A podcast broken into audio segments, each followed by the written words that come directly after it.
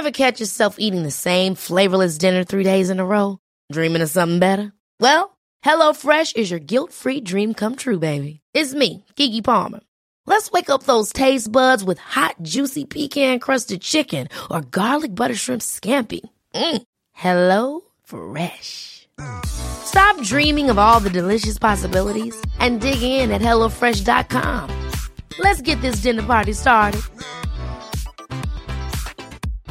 Hi, I'm Daniel, founder of Pretty Litter. Cats and cat owners deserve better than any old fashioned litter. That's why I teamed up with scientists and veterinarians to create Pretty Litter. Its innovative crystal formula has superior odor control and weighs up to 80% less than clay litter. Pretty Litter even monitors health by changing colors to help detect early signs of potential illness. It's the world's smartest kitty litter. Go to prettylitter.com and use code ACAST for 20% off your first order and a free cat toy. Terms and conditions apply. See site for details. Even when we're on a budget, we still deserve nice things. Quince is a place to scoop up stunning high-end goods for 50 to 80% less than similar brands. They have buttery soft cashmere sweaters starting at $50, luxurious Italian leather bags, and so much more. Plus, Quince only works with factories that use safe, ethical, and responsible manufacturing. Get the high-end goods you'll love without the high price tag with Quince. Go to quince.com slash style for free shipping and 365-day returns.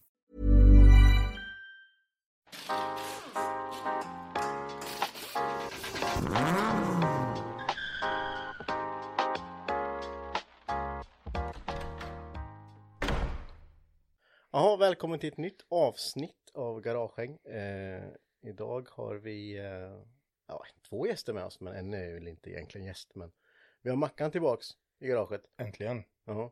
Du har varit borta en stund. Ja, det har jag. Mm. jag. Jag har ju opererat mig Ja. ganska nyligen. Så att jag är sjukskriven fortfarande.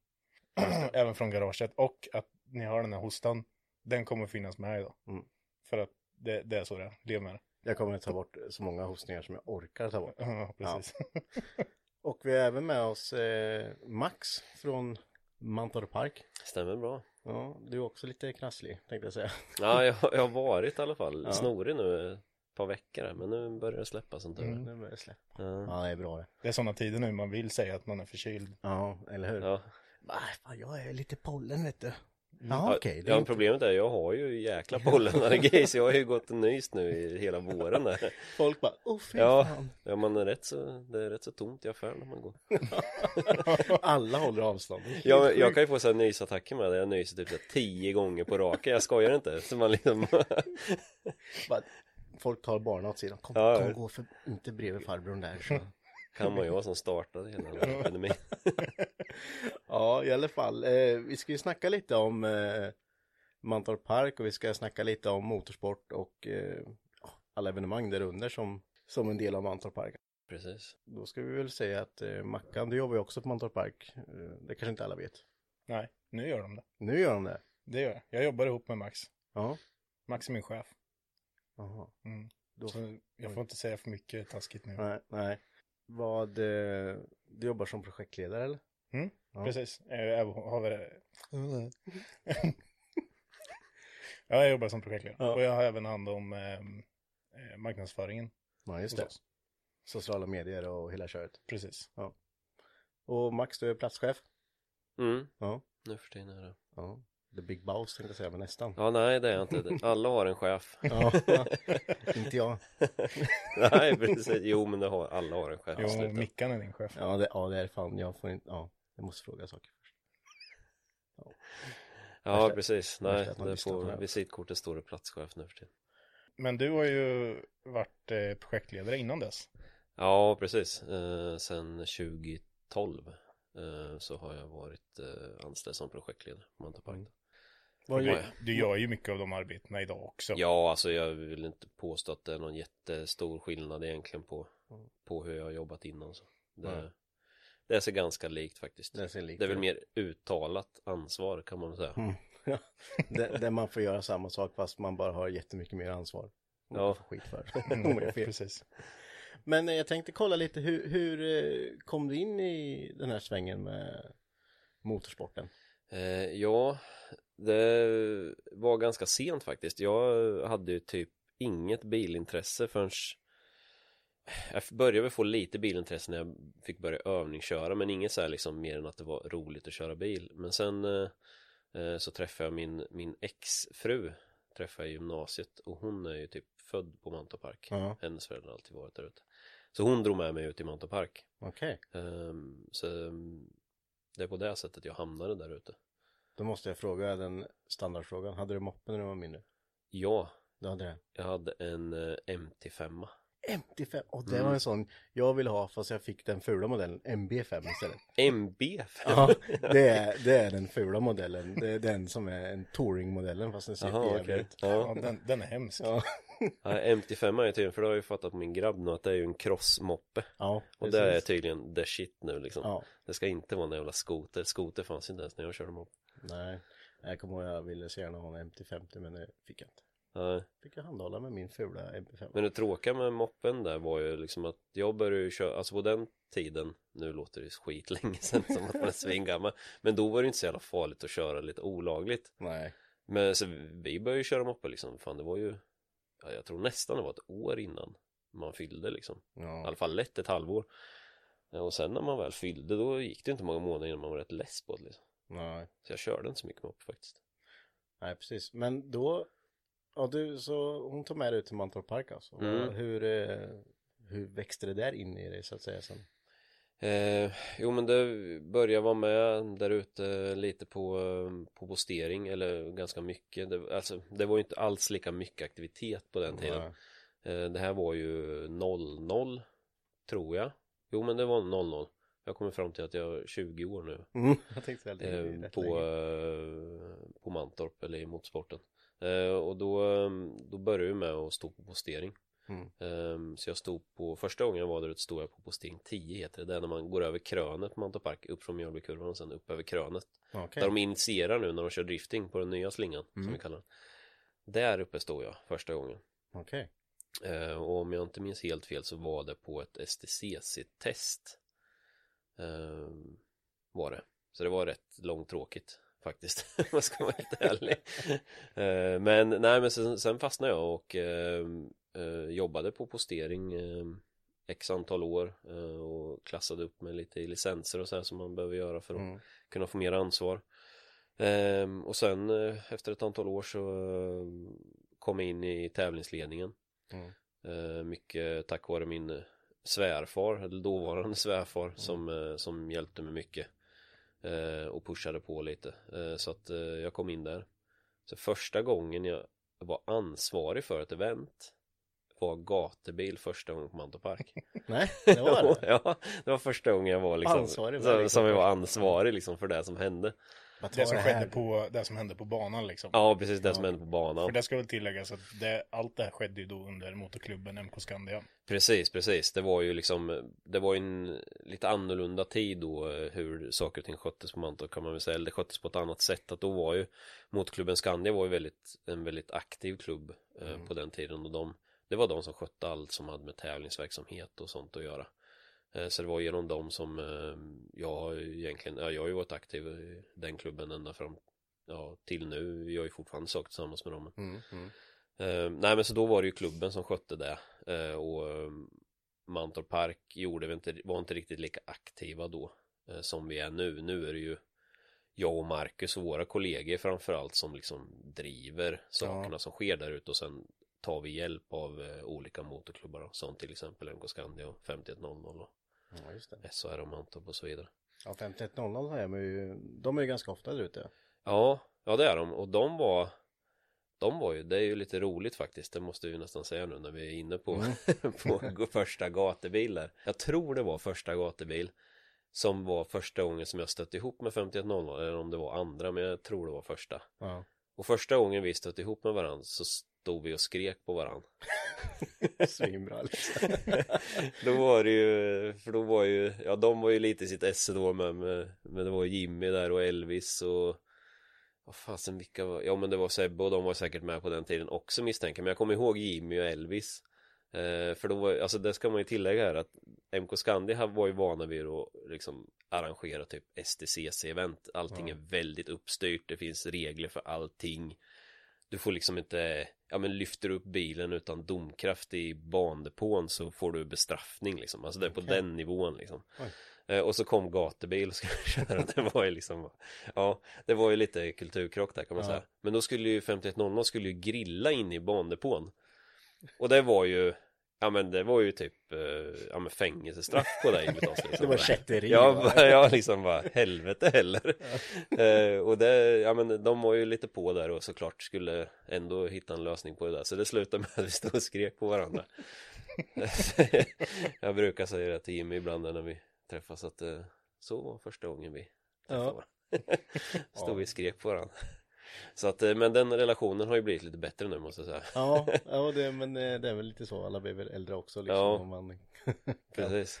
Nej men så det var första gången jag var Hade hand om det där ute och, och skötte eh, Ja men var tävlingsledare kan man säga Ja. eh, Och skötte all kommunikation Det är där jag har gjort mycket Mm. på, på tävlingar eh, Framförallt och på vissa event så Ja men man ser ju kanske inte mig så himla mycket På vissa grejer kanske man ser mig någonstans men eh, Ofta så sitter jag uppe i racekontroll Mm. eh, Det höga tornet som står NGK på, på Mountain Park eh, och, och styr därifrån tillsammans med mina kollegor där då eh, Ja.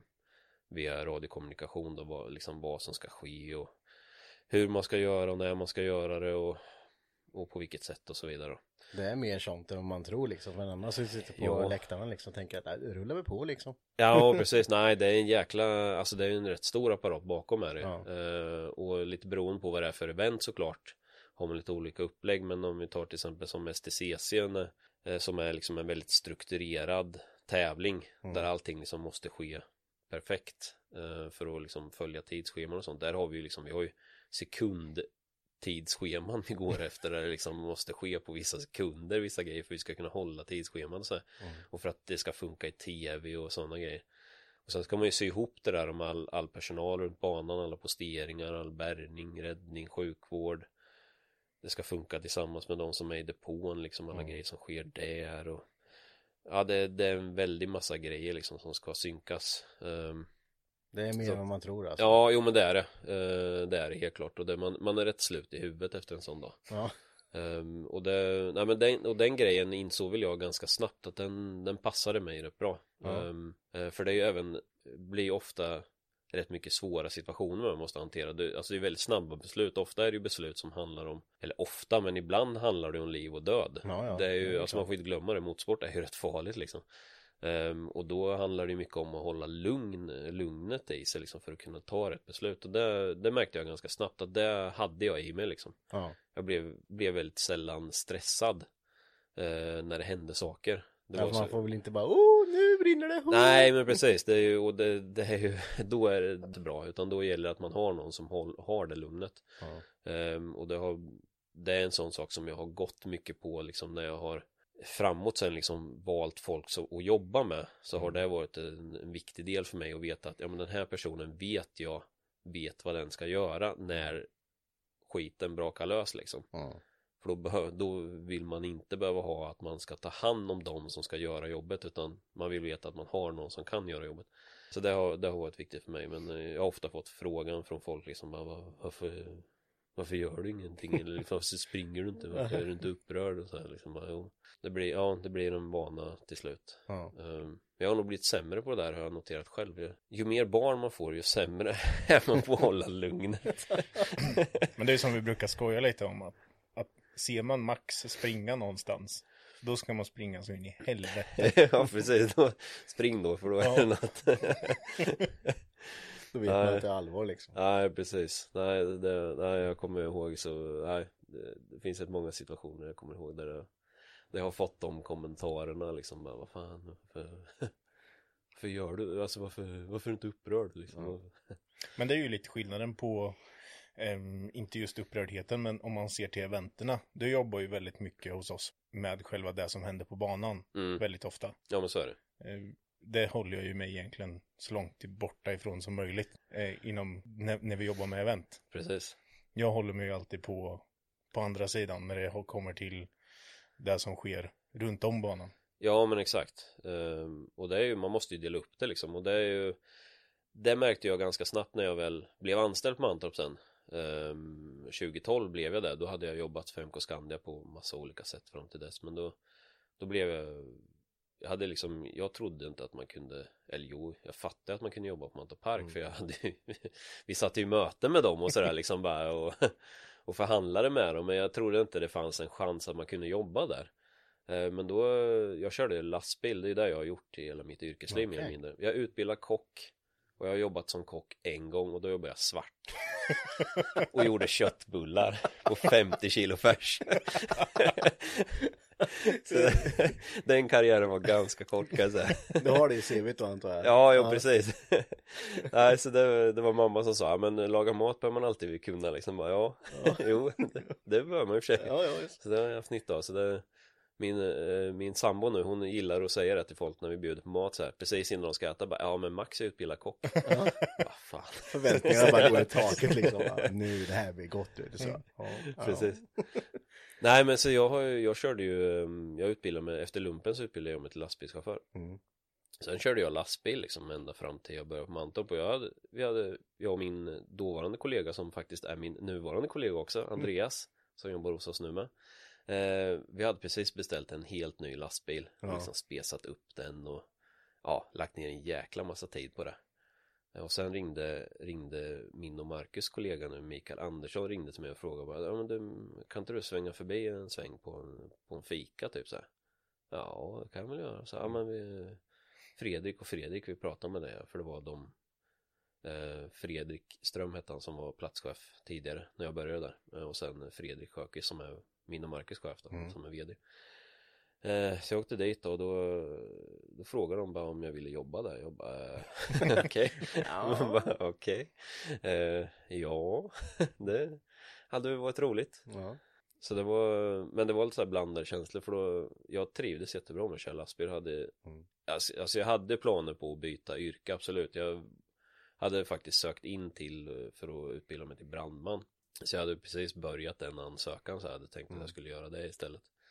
Eh, Men sen kom det här då och då, ehm, ja, det var ju liksom, det var ju inte ett svårt val egentligen, men det var lite surt att lämna, lämna Andreas där och sådär.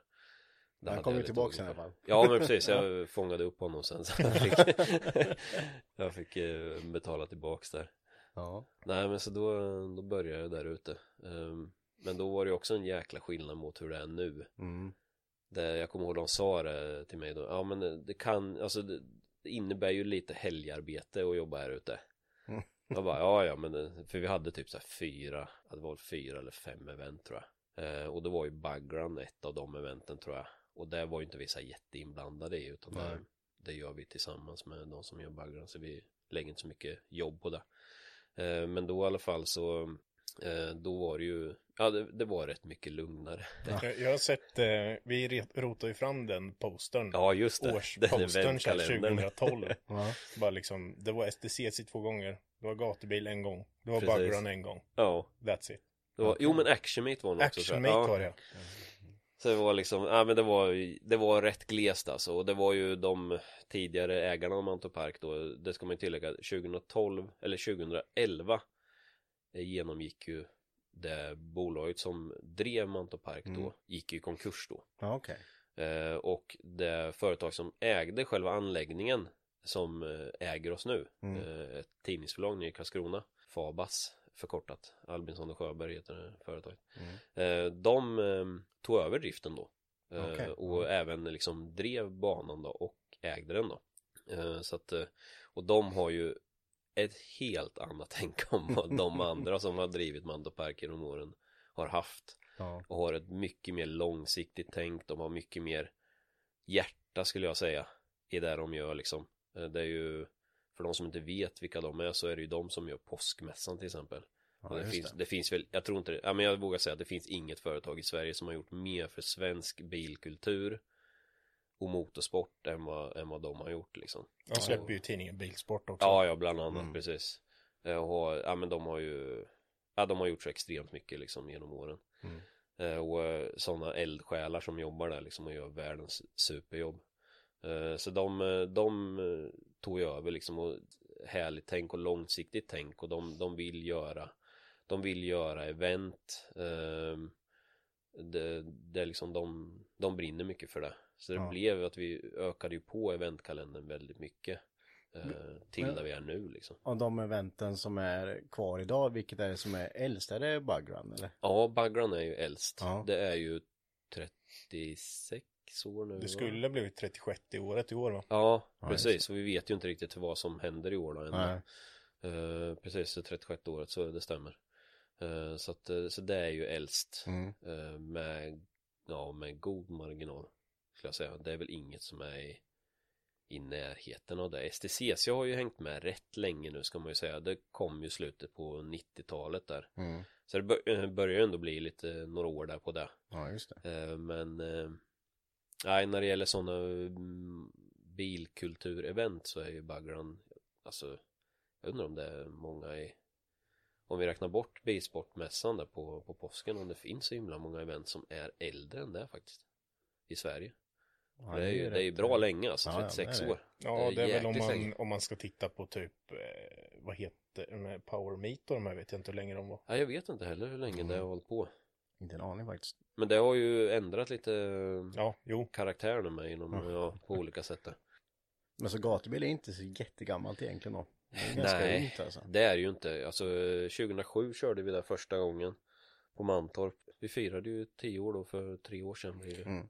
Men det, det startade ju i Norge 93. Ja, precis. Så det är ju gammalt på det sättet. Ja, okej, så det, ja. Ja, Så det har det- funnits i Norge längre än vad det har funnits här. ja, ja mycket, mycket längre. Ja. Ehm, så där har de ju hållit på jättelänge. Jag, jag vet faktiskt inte om jag har hört riktigt historien hur det kom till Sverige, varför det hamnade på Montapag. Jag kanske har hört det någon gång, men jag kan tyvärr inte den historien riktigt. Nej. Vi får Eh. sätta oss ner och dricka öl med Hans-Jörgen. Ja men precis, precis. Men jag vet ju att det var ju Hans-Jörgen där som, som har gatubil nu tillsammans med ett gäng där. Han var ju med i början, från början liksom och Mm. även Björn där som jobbar på gatubil. Eh, Så de var ju liksom med i originalensemblen där liksom som startade upp det. Men då var det ju väldigt så här basic. Det var ju ett kompisgäng som Ja. hyrde Rudskogen för att köra lite bil typ. Eller jag vet inte ens om de hyrde den eller om de bröt sig in och körde. Men eh, så att nej det var ju en jätte, jätteskillnad och eh, när, om vi ska ta gatubil, när det kom till Sverige första året av 2007 Det var ju, alltså det var ju pyttelitet då ju Mm. Om man jämför med hur det är nu Men idag är det Nordens största, eller? Ja, alltså jag skulle Ja. nog säga att det är norra Europas största, om inte kanske Europas största bilevent på det sättet. Alltså där Mm. du har Alltså där du har både körning och utställning och festival. Alltså det är ju Ja men ja, jag vet inte riktigt eh, vilka som är större Men det finns några riktigt stora BMW-träffar och så här i Tyskland ju Eh, Men gatubil är ju unikt alltså Ja, Det är det ju. det är ju verkligen nu. Och det har man ju, varit- vi har ju varit med som besökare i relativt många år i alla fall. Med, man ser ju utvecklingen lite, men med Mm. varje år så är det ju det känns som att det blir lite större varje år. Ja, jag vet ju när vi var där första året, då var det ju inte fullt uppe i dragracingdepån. Nej Vi, när vi stod där, då var det hyfsat stor, stor asfaltsyta framför oss. Som var liksom Precis. tom framför Mm. bussen. Mm. Men eh, nu, alltså som det var förra året, då var det ju fullt på varenda millimeter. Ja, ja, det, det, det gick ju liksom inte att mosa in mer där. Nej Nej, det, det sa polisen. Ja precis, det sa de också Så vi, Ja vi fick improvisera lite Mm. Vi gick och hitta lite ytor Ja, man kommer första dagen och bara, "Ja, men det här, det här ser ändå bra ut. Och alla står i små fyrkanter, brandgator, så tar det en natt. Så, bara, så ja. Ja det är, en, det, är en, eh, det är minst sagt en utmaning med gatubil och, och som sagt när det, när det började då var ju Då var ju bara jag med och hade hand om eh, det som skedde på banan liksom, Mm. körningen Jag kommer ihåg att Pudel spelade För då hade de gjort en inhägnad i dragracingdepån. Jag tror det var första året Ehm, där, Och hägnat in liksom scenen så den stod mitt i dragracingdepån där Mm. Och så spelade de där och sen, alltså sen, jag tror inte, vi fyllde ju inte ens vanliga Nej. depån liksom Det var ju inte, nej det var inte mycket folk då alltså jag kommer ihåg att, eh, ja men Micke Svensson var där, Wunderbaum Mm. Frågan om inte Radio Power var där Med Tokan och Vad fan hette de andra? Ja Wunderbaum körde för Radio Power med tror jag Sen tror jag Halvarsson, Johan Halvarsson, han kör ju inte längre men han var nog där med Med Skogsbybröderna Jo men jag är ganska säker på att de var med där första året Det var ju inte så här, och det var ju säkert några andra profiler också som jag har glömt bort nu, Ja. men det var ju inte, det var inte jättemånga som var med första gatubil. Sen nu i efterhand så var ju alla där Ja. första gatubil, men det var inte så jäkla många som körde på banan då. Nej. Kan det vara ett 60-bil kanske eller någonting? Ja, det blir väldigt mycket gatubil men det är ju som sagt eh, stort och det kommer ju återkomma till det hela tiden här. Men ni har ju också lite mer grejer, ni har ju en offroadbana nu. Eller det Ja. kanske ni har haft länge men nu är det väl lite mer, ja, ni har marknadsfört den lite mer nu så att säga. Ja, vi har börjat använda den Ja. något annat. Ja men den har ju funnits några Den har ju två år. funnits, den har ju funnits rätt länge. Jag vet Ja. Andreas har ju, som jobbar hos oss, han har ju mycket kontakt med och kör ju mycket offroad själv. Mm. Eh, Och de, många av de som har varit och kört nu, de har ju liksom, ja men vi var här och körde på slutet av 90-talet Mm. och mitten av 90-talet liksom. Då, då fanns det ju en, en offroad-klubb i Mantorp. Okej. Så att det är bara att den eh, mo- offroadbanan har legat vilandes liksom. Ja. Han har gjort det. Nej, det är bara jag som inte har någon koll på det men jag är med. Nej, jag hade ingen koll heller innan jag Mm. började. Jag var rätt förvånad själv när jag gick slingan kan jag säga. Ja, nej men så är det. Det har skett rätt mycket konstiga grejer på Mantorp Park genom åren. Alltså Mm. så här tractor pulling och folkracebana fanns det en gång i tiden. Och, alltså det har ju körts massor roliga Mm. grejer, liksom trackrace och Ja, det, det här, lite traktorpullingar har varit fränt. ja. Ja, det, det är rätt coolt. det är fränt faktiskt. Ja, ja för fasken.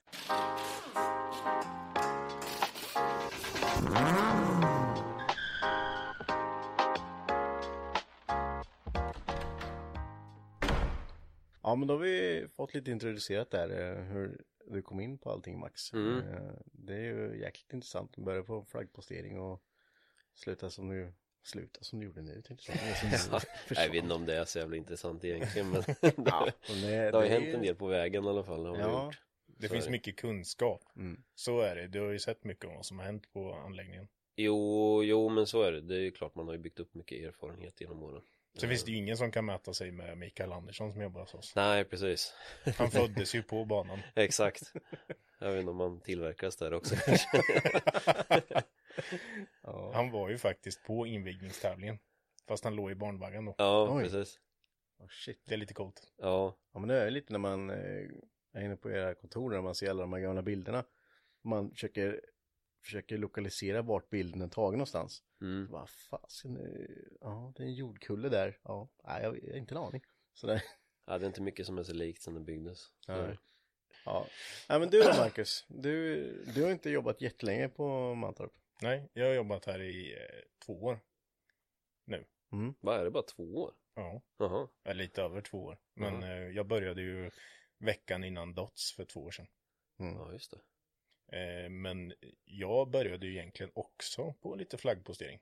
Ja. För det var ju Max som lurade in mig när jag var typ 16 bast Mm, stämmer.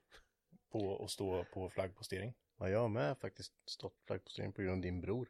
Ja, men det, ja precis. På Ja. 5100 körning har det Ja, stått. ja. Jag hade inte en aning, bara stå, ja.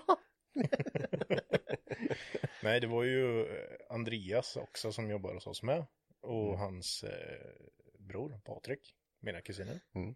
De eh, stod ju på flaggpostering på STCC ett år.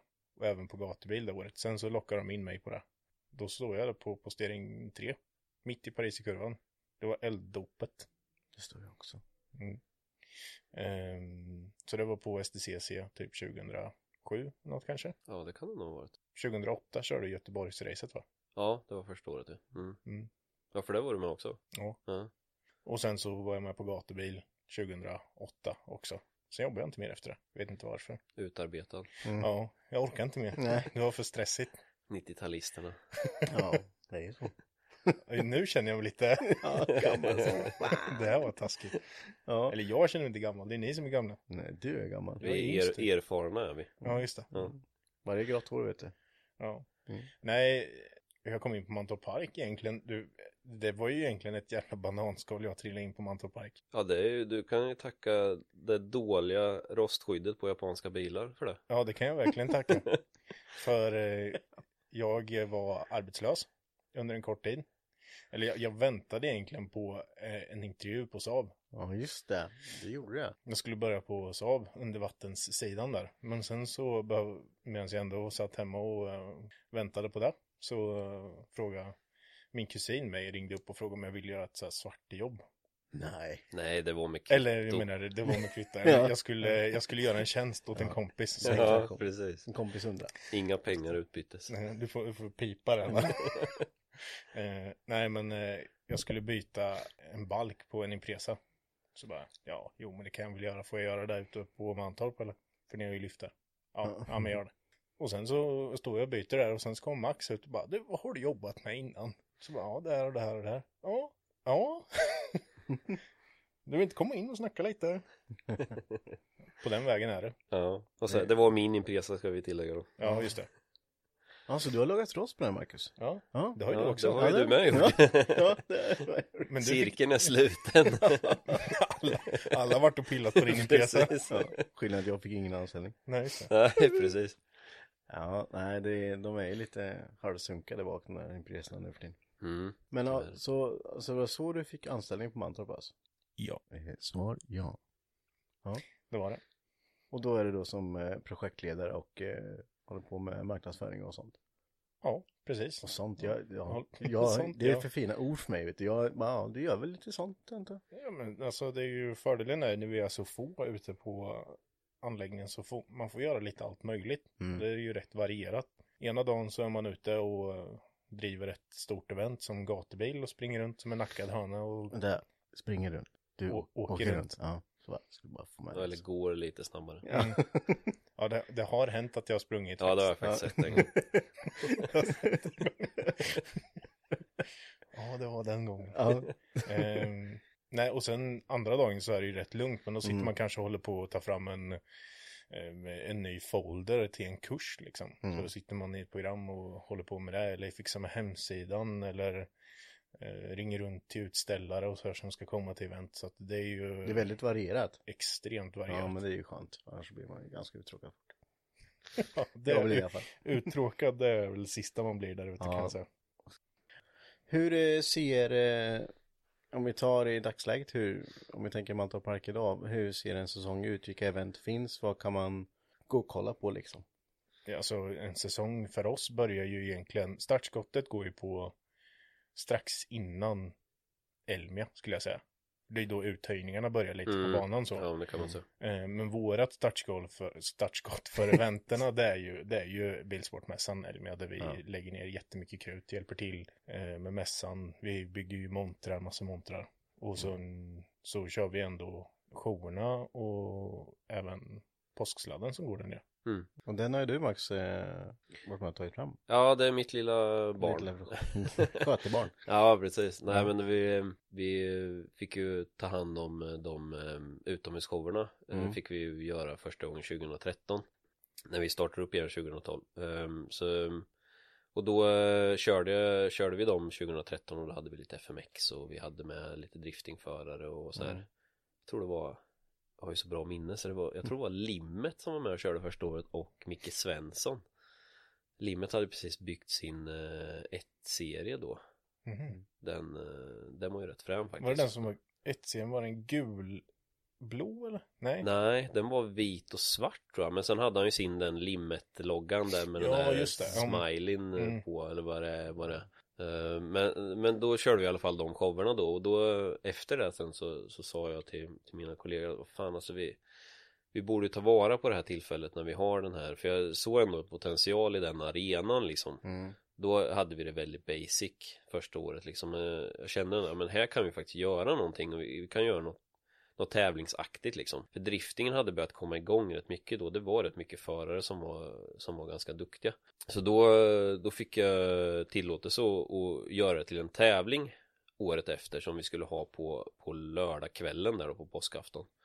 För då hade de redan någonting de kallade för eh, fasen, påskbränne typ eller något så här. Ja men då Mm. var det ju liksom, då var det bara att folk stod och börnade liksom. Mm. Och det var ju, det var ju populärt i sig liksom. Ja, det kan jag tänka. Men då tänkte vi att vi skulle väva in det här i det då. Eh, Så då, men det var, grejen var att det var ju en väldigt tajt arena och det här var tidigt för driftingen, alltså 2013, det var ju Alltså att köra Twin, det var ju knappt, alltså jag tror inte ens det var tight Twin i formen av drift på den tiden liksom. Nej. Japan kanske var lite före men det var ju inte liksom, alltså det, man körde inte så. Nej. Twin var liksom ja, fem billängder emellan i alla fall. Så det var inte, det var inte tal om att köra vanlig drifting där inne. Så då, då kom jag på att då kan vi köra något gymkhana-aktigt. Tog väl, ja, jag tog väl egentligen inspiration ifrån uh, Ken Blocks filmer där liksom. Mm. Och även ifrån det uh, Red Bull Drift Shifters. Som uh, Mad Mike var det väl som drog igång det tror jag. Som kördes, tror de precis hade kört någon omgång någonstans där eh, Samuel Hübinette bland annat var med och körde i något land någonstans. Så då, och det hade jag sett. Så då, eh,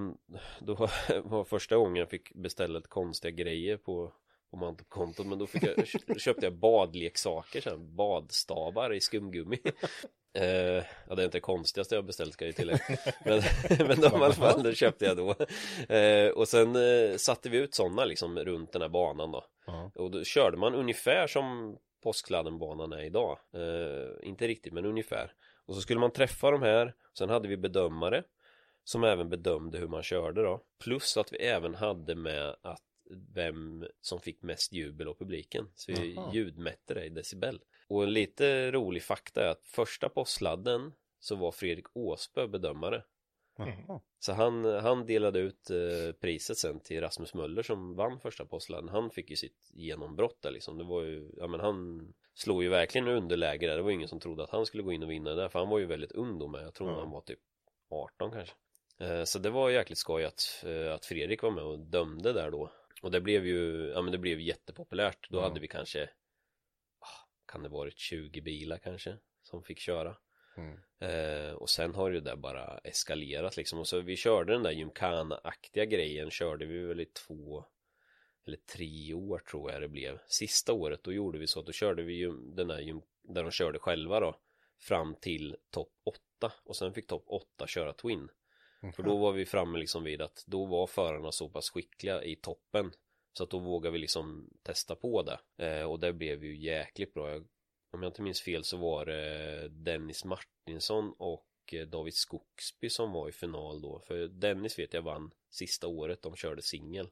Men sen då, då körde han och, och David i finalen där. Det var ju skitfränt när de twinnade där inför Ja. den här arenan i skarpt läge för första gången liksom. Ja, för den är inte jättestor liksom. Nej fy fasen alltså tajt det var. Jag kommer ihåg Dennis slog ju i sin fäll rejält i en betongsuggare. Men han st- stod ju på ändå liksom och körde. Som fan. Men det vann, David vann där i alla fall till slut. Eh, Helt rättvist. Att, Mm. eh, men sen, så, och sen eh, från det så blev det en riktig driftingtävling. Ja, okej. Som nu är ja, väldigt populär. Jag fick tacka nej till, vad var det? Ja, jag hade över 30 förare på uh, väntlistan Ja. inför årets tävling. Nu blev ju den tyvärr inte av då. Mm. Det skulle ju varit en NIZ-tävling till och med. Så det var ju Mhm.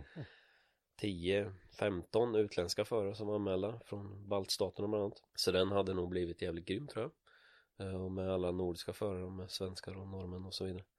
Så att det var, det var jävligt synd men Ja. ja, jäkligt skoj att fått vara med och eh, från början och det är ju faktiskt den driftingtävling som har pågått längst. Så det är jag faktiskt lite stolt över att den har hållit i liksom.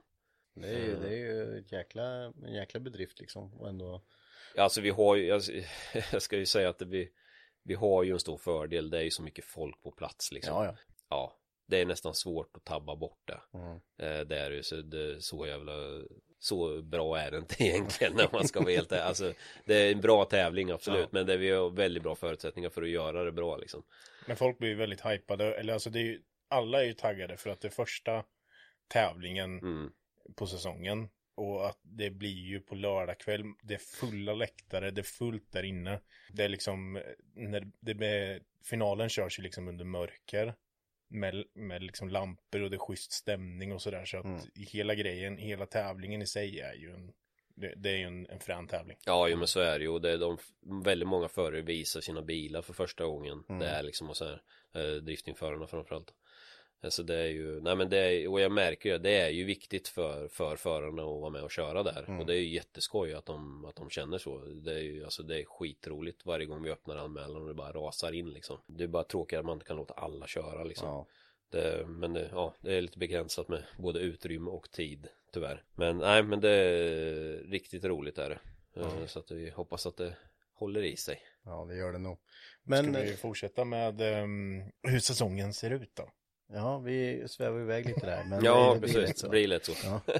Men vi kan försöka gå igenom lite snabbt då, för vi Ja. behöver inte prata så mycket ingående om saker. Vi, vi höjer ut banan egentligen nästan varje dag till olika mm, företag som kommer och använder och kör. Vi har jättemycket kurser ute hos oss. Vi kör halkkörning, risk 2 går ju ett par gånger i veckan hos oss. Mm. Och sen så har vi ju flera event som kommer efter varandra eh, framåt hösten. Vi har ju vårracet, vi har Dots, Drift Som är Bimmers. premiären hos oss. Vi har Bimmers, det är ju Bugrun. Sen kommer gatubil. Precis. Eh, det Drag körs time, racing. time attack, eh, Ja, drag precis. racing, eh, Jap Days. Då körde vi ju första gången förra året och är ju planerat i år med. Eh, och sen efter det så har vi Mantorp Classic. Då är det ju gamla Mm. bilar som kommer att köra liksom. Och sen så är det trailer tracking. Det är ju lastbilsutställning. Eh, efter det så har vi ju STCC. Nej, gatubil. Ja, gatubil först och sen STCC final Eller Grande Finale heter den Mm. faktiskt bara nu för tiden Mm. Den heter faktiskt inte STCC final Nej, precis.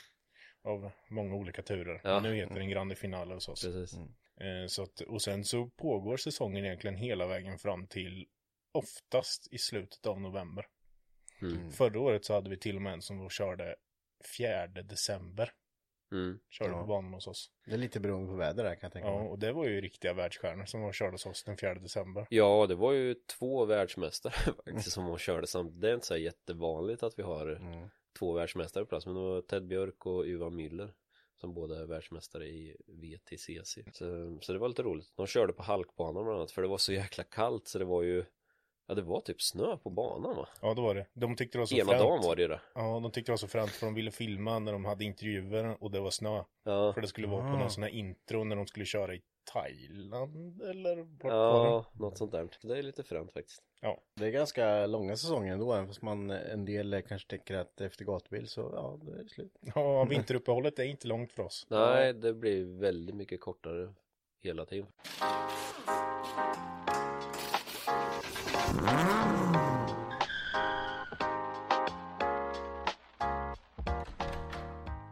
Nej men då har vi gått igenom lite hur allting startade och eh, lite om Mantorp Park och hur du kom in i det här. Så eh, jag tänkte vi skulle ta upp lite frågor som vi har bett om på sociala medier. Se vad du kan svara på här. Mhm, Ja. Mhm. mhm. Vad vi kan svara på. Ja, Ja, precis. med. Jag, men Jag, ska tänker- inte bli utpekad för mycket tycker jag. Det är du som är ansvarig. Ja, precis. Precis. Eh, men då har vi en, eh, vi kan börja här med, vad har ni för synpunkter på folkrace? Har ni provat att köra folkrace själva? Nej, eh, det har jag aldrig gjort faktiskt. Jag har varit kollat på det ett antal gånger. Ja. Jag har, ja, jag har en lite, ja det är ju ingen historia som gynnar mig men jag ska ändå berätta den. Ja. Det är från när jag var barn. Då var vi på Folkrace-festivalen. Ja. Då satt jag på min pappas axlar. Och så drog bilarna iväg, då sket jag ner mig. För jag tyckte det lät så mycket. Det här problemet har jag inte längre då. Som tur är. Precis som tur är. Vad fan varmt det vart i nacken.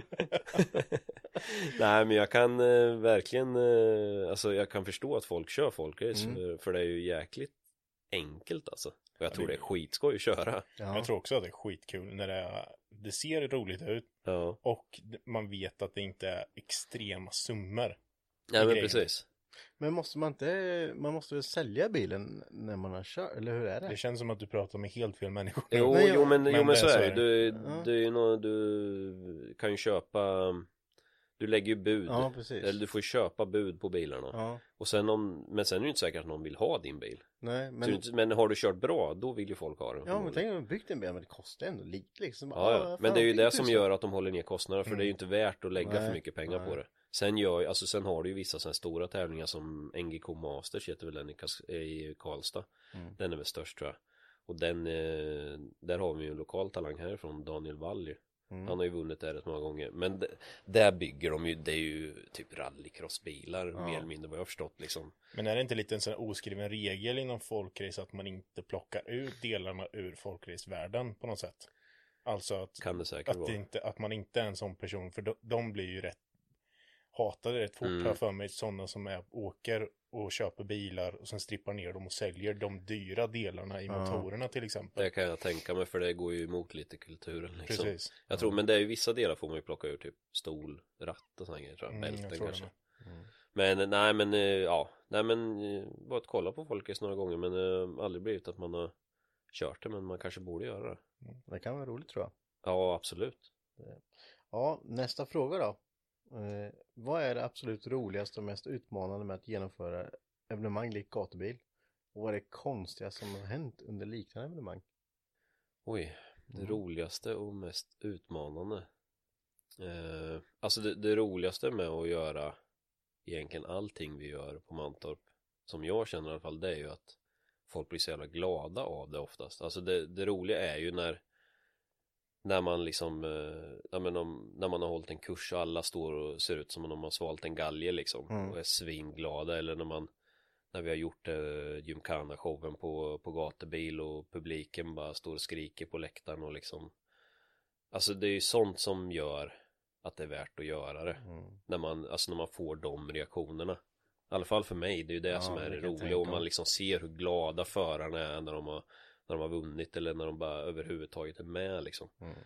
Det är ju det som gör att det är värt det faktiskt Ja, för det är ju ett par timmar man lägger ner på ett sånt event. Ja herregud Alltså gatubilveckan tror jag kom upp ungefär, ja, jag tror det var 97 timmar. Ja, ja, det är ju... Det är ett Ja det blir timmar. en del Ja, nej, men det blir en del och det är ju, nej men det, och det är ju Stora utmaningen är väl att Ja men det är ju att synka ihop allting för det är så mycket, alltså det är så mycket grejer som På de flesta eventen är det ju rätt mycket grejer som ska ske liksom Mm. ofta samtidigt och det är olika människor som ska göra dem och eh, och, och det är liksom och det ska Ja men det, det kräver ju väldigt mycket planering alltså Ja. Och en grej som, som är lite bevis på att, att du är rätt high på det där Max. Det måste jag ändå, det är ju beviset på, det var ju Gymkhana-showen förra året. När man lyckas synka ihop den där Blackhawk-helikoptern och bilarna och alltihopa. Mm. Ja det blev ju att rätt det bra vart en, en snygg entré. För När, att när, när fallskärmshopparna också. fallskärmshopparna och alltihopa. Ja. Men, men grejen var att när vi hade ett möte om det här innan med förarna och så här. Och Max står och berättar, ja men det här typ f- 2002, då ska helikoptern lyfta, då ska ni sitta i bilarna och alla sitter som så här frågetecken typ, "Ja, det här kommer inte gå alltså. Men det var liksom ett jävla minutschema som bara löste sig och allt Ja. vart svinbra liksom. Ja, det var, ja men det är ju sådana grejer som är så jävla skoj och det, det gäller ju att få med Få med folk och förstå med att det här kan bli helt fränt och det Ja men det, tyvärr känner jag lite, jag har känt det sen vi gjorde den grejen att Jag är rädd för att vi pikade Ja, det- med den där helikopterentrén där. För det, det, jag reagerar ju på det med när vi presenterar det för förarna. Det är inte ofta man får applåder av förare Men det jublet som kom när vi pre- berättade vad vi skulle göra där. Ja. Jag tror alla insåg att det här kan bli hur jävla fränt som helst. Och det vart det också. Ja det blev ju sjukt fränt. Alltså den, den bilden när ehm, Åh gud vad heter han som är fotograf för gatubilen och svensken? Ja. Jag ber om ursäkt att jag inte kommer ihåg ditt namn. Jag måste komma ihåg det sen. Men eh, i alla fall han tog ju en svinbra bild eh, På eh, när den entrén görs. Den, Ja. den, den förstorar jag faktiskt. Alla mina kollegor fick det lite julklapp i år. Eh, Så att eh, den, nej den blev så jäkla, nej det blev sjukt roligt faktiskt eh, Hela den grejen och hela, Mm. hela den showen Ja, ni som inte var där missade någonting faktiskt. Det, det var sjukt mäktigt liksom när man satt på läktaren och det bara började dundra i luften och sen så bara ser man lysna kommer upp över alla bilar och allting och alla krossar eller Ja, jag hoppas att det var mäktigt Alltså man får ju aldrig höra för vi bor i Sverige Det är Ja. aldrig någon som kommer fram och säger till det att jävlar vad bra det där var Man får ju aldrig höra det men jag, jag fick känslan av ändå att det blev jävligt lyckat Jo, liksom men det, det kändes på läktaren alltså. Folk, det var ju helt, alltså det var, det var nästan som att luften försvann från läktaren. Alla var helt tysta när Mm. helikoptern kom och bilarna kom och liksom alla satt liksom bara Oh shit liksom. Ja. Det var helt tyst och alla bara kollade och sen bara jävlar alltså. Ja, jag har ju drömt om den där, alltså den grejen har jag drömt om så många år. Så jag vet Ja. inte när det var jag ringde första samtalet till helikopterflottiljen Men det är rätt många år sedan nu alltså. Eh, Och försökte liksom få med dem och börja bearbeta dem. Och sen bara föll saker och ting på plats. Och grejen är att det här var ju inte Alltså det här blev ju lite av en nödlösning Vi hade ju betydligt värre grejer kan jag säga som var planen att göra. Men de håller vi oss för oss själva. Ja, det, det, det är de planerna som gör att vi fortfarande Ja kan men pika. precis, ja men exakt det är ju, ja men så är det faktiskt Det hade kunnat blivit snäppet värre Mm, och det kommer det bli någon gång. Ja ja, Så ja, det är därför ni ska fortsätta gå på gatubil. precis Ja, det är ju ganska utmanande att eh, få till en sån grej i alla fall.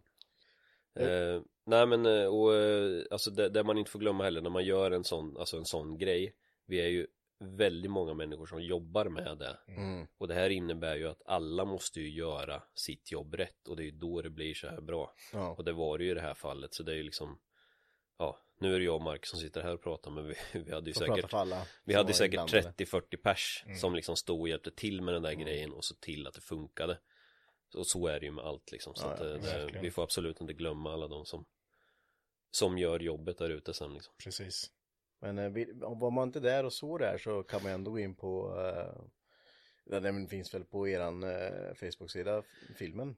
Ja, Rubyworks film finns Ja. ju där Det är ju faktiskt den bilden som jag la upp på um, den sidan när vi skrev att du skulle komma. Frågorna Ja, där. just det, Då är ja. helikoptern där. Ja, Mm. precis, det stämmer Henrik Liljenqvist undrar om ni hade fått valt en produktionsbil att sätta varvtider med runt Mantorp Park. Vilken hade det varit? Oj eh... Ja, det måste ju bli en japansk bil känner jag Ja men en eh, Honda NSX Honda NSX. Ja, hade ju varit grymt faktiskt. Jag har inte ens suttit i en sån men det är, det är faktiskt min drömbil. Skulle jag bli miljonär då skulle jag ju hellre köpa en Honda NSX än en liksom Porsche eller en Ferrari alltså. Ja. Ja, de är ju lite ovanliga idag. Ja, och jag tror de är jävligt grymma att köra med alltså. Ja. Det är ändå så att Ayrton Senna har ju varit med och liksom tagit fram den bilen. Det är bara det är ju fränt alltså. Nej, det, det hade varit coolt. Ja. Ja, Honda NSX alltså. Ja, då tar vi en till fråga här från Linus. Hur många varv har du kört på Mantorp Park inklusive John Deere-grodan, depåmoppe eller hjullastare? Oj. Eh, Det är oräknbart. Den som Ja. är liggande åtta. Ja, det är många varv. Frågan är hur många varv det är i, i rätt racelinje så att säga. Ja. Eh, Det är väl inte extremt många ändå skulle jag säga. Eh, Men det har ju blivit en hel del varv runt banan och så är det ju. ja, Ehm, Ja, det har blivit en hel del. en hel del. Han har lite fler frågor här. Eh, snabbaste varvtid du har kört? Jag har faktiskt aldrig tagit tid. Ja. Så jag har faktiskt inte en aning om vad jag har kört. Jag tror inte det är så snabbt. Nej, inte om du jag kört inte. hjullastaren. För jag har inte kört, alltså det är ju Det är ingen riktigt snabb bil som jag har kört, alltså stått på med För det har jag alltså jag har för mycket självbevarelsedrift för att göra det. Ja. det Och jag har sett för mycket skit för att jag, jag, jag skulle inte kunna bli en snabb förare liksom Nej. Jag har sett för mycket olyckor Mm. eh, För att eh, Ja, jag ska kunna släppa de spärrarna liksom Ja. Så jag, jag har ju kört en del med mina egna bilar men de har ju eh, Det är ju ganska motorsvaga bilar oftast Mm. liksom som Impresan jag hade som vi pratade om tidigare Den, eh, den körde jag en del med men Då får ju inte de farterna då liksom. Ehm, Så då går det ju Fartkänslan får du men Nej så jag tror ehm, Jag kommer nog aldrig sätta en snabb tid runt Mantorp Park liksom Nej. Nej men det kan ju vara så. Vissa har ju den spärren kvar. Och vissa Ja. har inte. Jo precis jag har nog alltid Jag har nog alltid haft lite för mycket spärr tror jag Ja, Jag är inte den typen jag är nog lite likadan där faktiskt. Eh, men ballaste bil du åkte då? Eh, ja, vad kan det vara? Jag åkte ju faktiskt med i, eh, i år så åkte jag ju med Boy Overbrink i hans gamla truckracing lastbil. Jaha. Det var ju lite, den var ju lite ovanlig ändå faktiskt. De är rätt fräna. Ja, de är rätt fräna. Sen är det ju såklart, alltså alla driftingbilar man åkt med i är ju extrema byggen. eh. Jag har inte åkt med i någon sån här extrem supersportbil eller något sånt där. Nej. Har jag inte gjort. Ja men det får nog bli eh, Bojes, Bojes bilar. Sen har jag ju åkt med, jag har åkt med på motorcykel en gång. Ah, fy fan. Ja det var, det var jävligt obehagligt kan jag säga. En, en herre som heter Peter Lindén som är, jag tror han är gammal världsmästare i roadracing på om det är typ någon långlopp eller någonting. Och sen är han ju eh, även JAS-pilot eller var. Mm. eh, och tävlade i eh, högsta serien i Sverige många år. Men det, honom fick vi åka med en gång. Han är ju typ två Mariekex hög liksom. Ja. och jag är ju ändå 1,90 och han säger att han är kanske 65 kanske. Så satt jag bakom honom och han, första han gjorde när vi åkte ut på banan, då drog han upp på bakhjulet. Nej. Ja det var första alltså, det var, det var, ing, det var liksom bara direkt ut ur bandepån på bakhjulet. Och sen var det järnet upp på rakan så när jag kollade på hastighetsmätaren den enda gången jag vågade göra det, då var vi uppe i 260 blås. Och jag höll på att strypas av hjälmen för jag tog ju all jävla Ja. vind liksom. Ja, Och sen när han bromsar in Då liksom, då släpper bakhjulet med så han liksom, jag tappar fötterna från fotpinnarna och grejer så här. Nej det var så jävla obehagligt alltså Men att du ens gick med på Ja. att sätta dig på hojen Ja men då var jag ju ganska ung, det här var ju rätt tidigt alltså det, Då hade jag inte varit med mycket på Mantorp alltså Mhm. Jag blev ju pålurad den där skiten Nej det är aldrig igen alltså Det är inte en chans alltså Bara skulle man åka lite, ja då fan, så upp på bakom, bara, fy fan. Ja, ska, ska vara lite tuff med Ja. Nej för fan, nej, det var ingen, nej då är det ju extremt behagligt att åka med liksom en driftingbil till exempel om man Alltså de Jag har varit lite selektiv de jag har valt att åka med där med men Men det är liksom där är ju känns Det känns så behagligt på något sätt Det är Ja. värre att åka med i, ja, men, i racing där du bromsar hårt och sådär Mm. Drifting är bara roligt Ja. Ja, det är, ja, jag hade, jag, jag sitter och skjutsar på motorcykel alltså. Ja jag nej jag det, försökte ju få med dig i gatubiltaxin Ja. förra året, Henke. Ja, men jag vet, jag Jag fixade plats, eh, låg nere så skulle jag få Ja. med Henke i gatubiltaxin. Och bara, du får komma ner, du ska åka med i taxin. Henke bara, nej, inte en chans. Nej. Jag bara, fan, du må klart ska åka med. Bara, nej. Jag sätter mig inte i skit. Så då bara stod jag uppe vid, vid eh, sladdgården bara, är det någon som vill åka med? Och Olle bara, åh!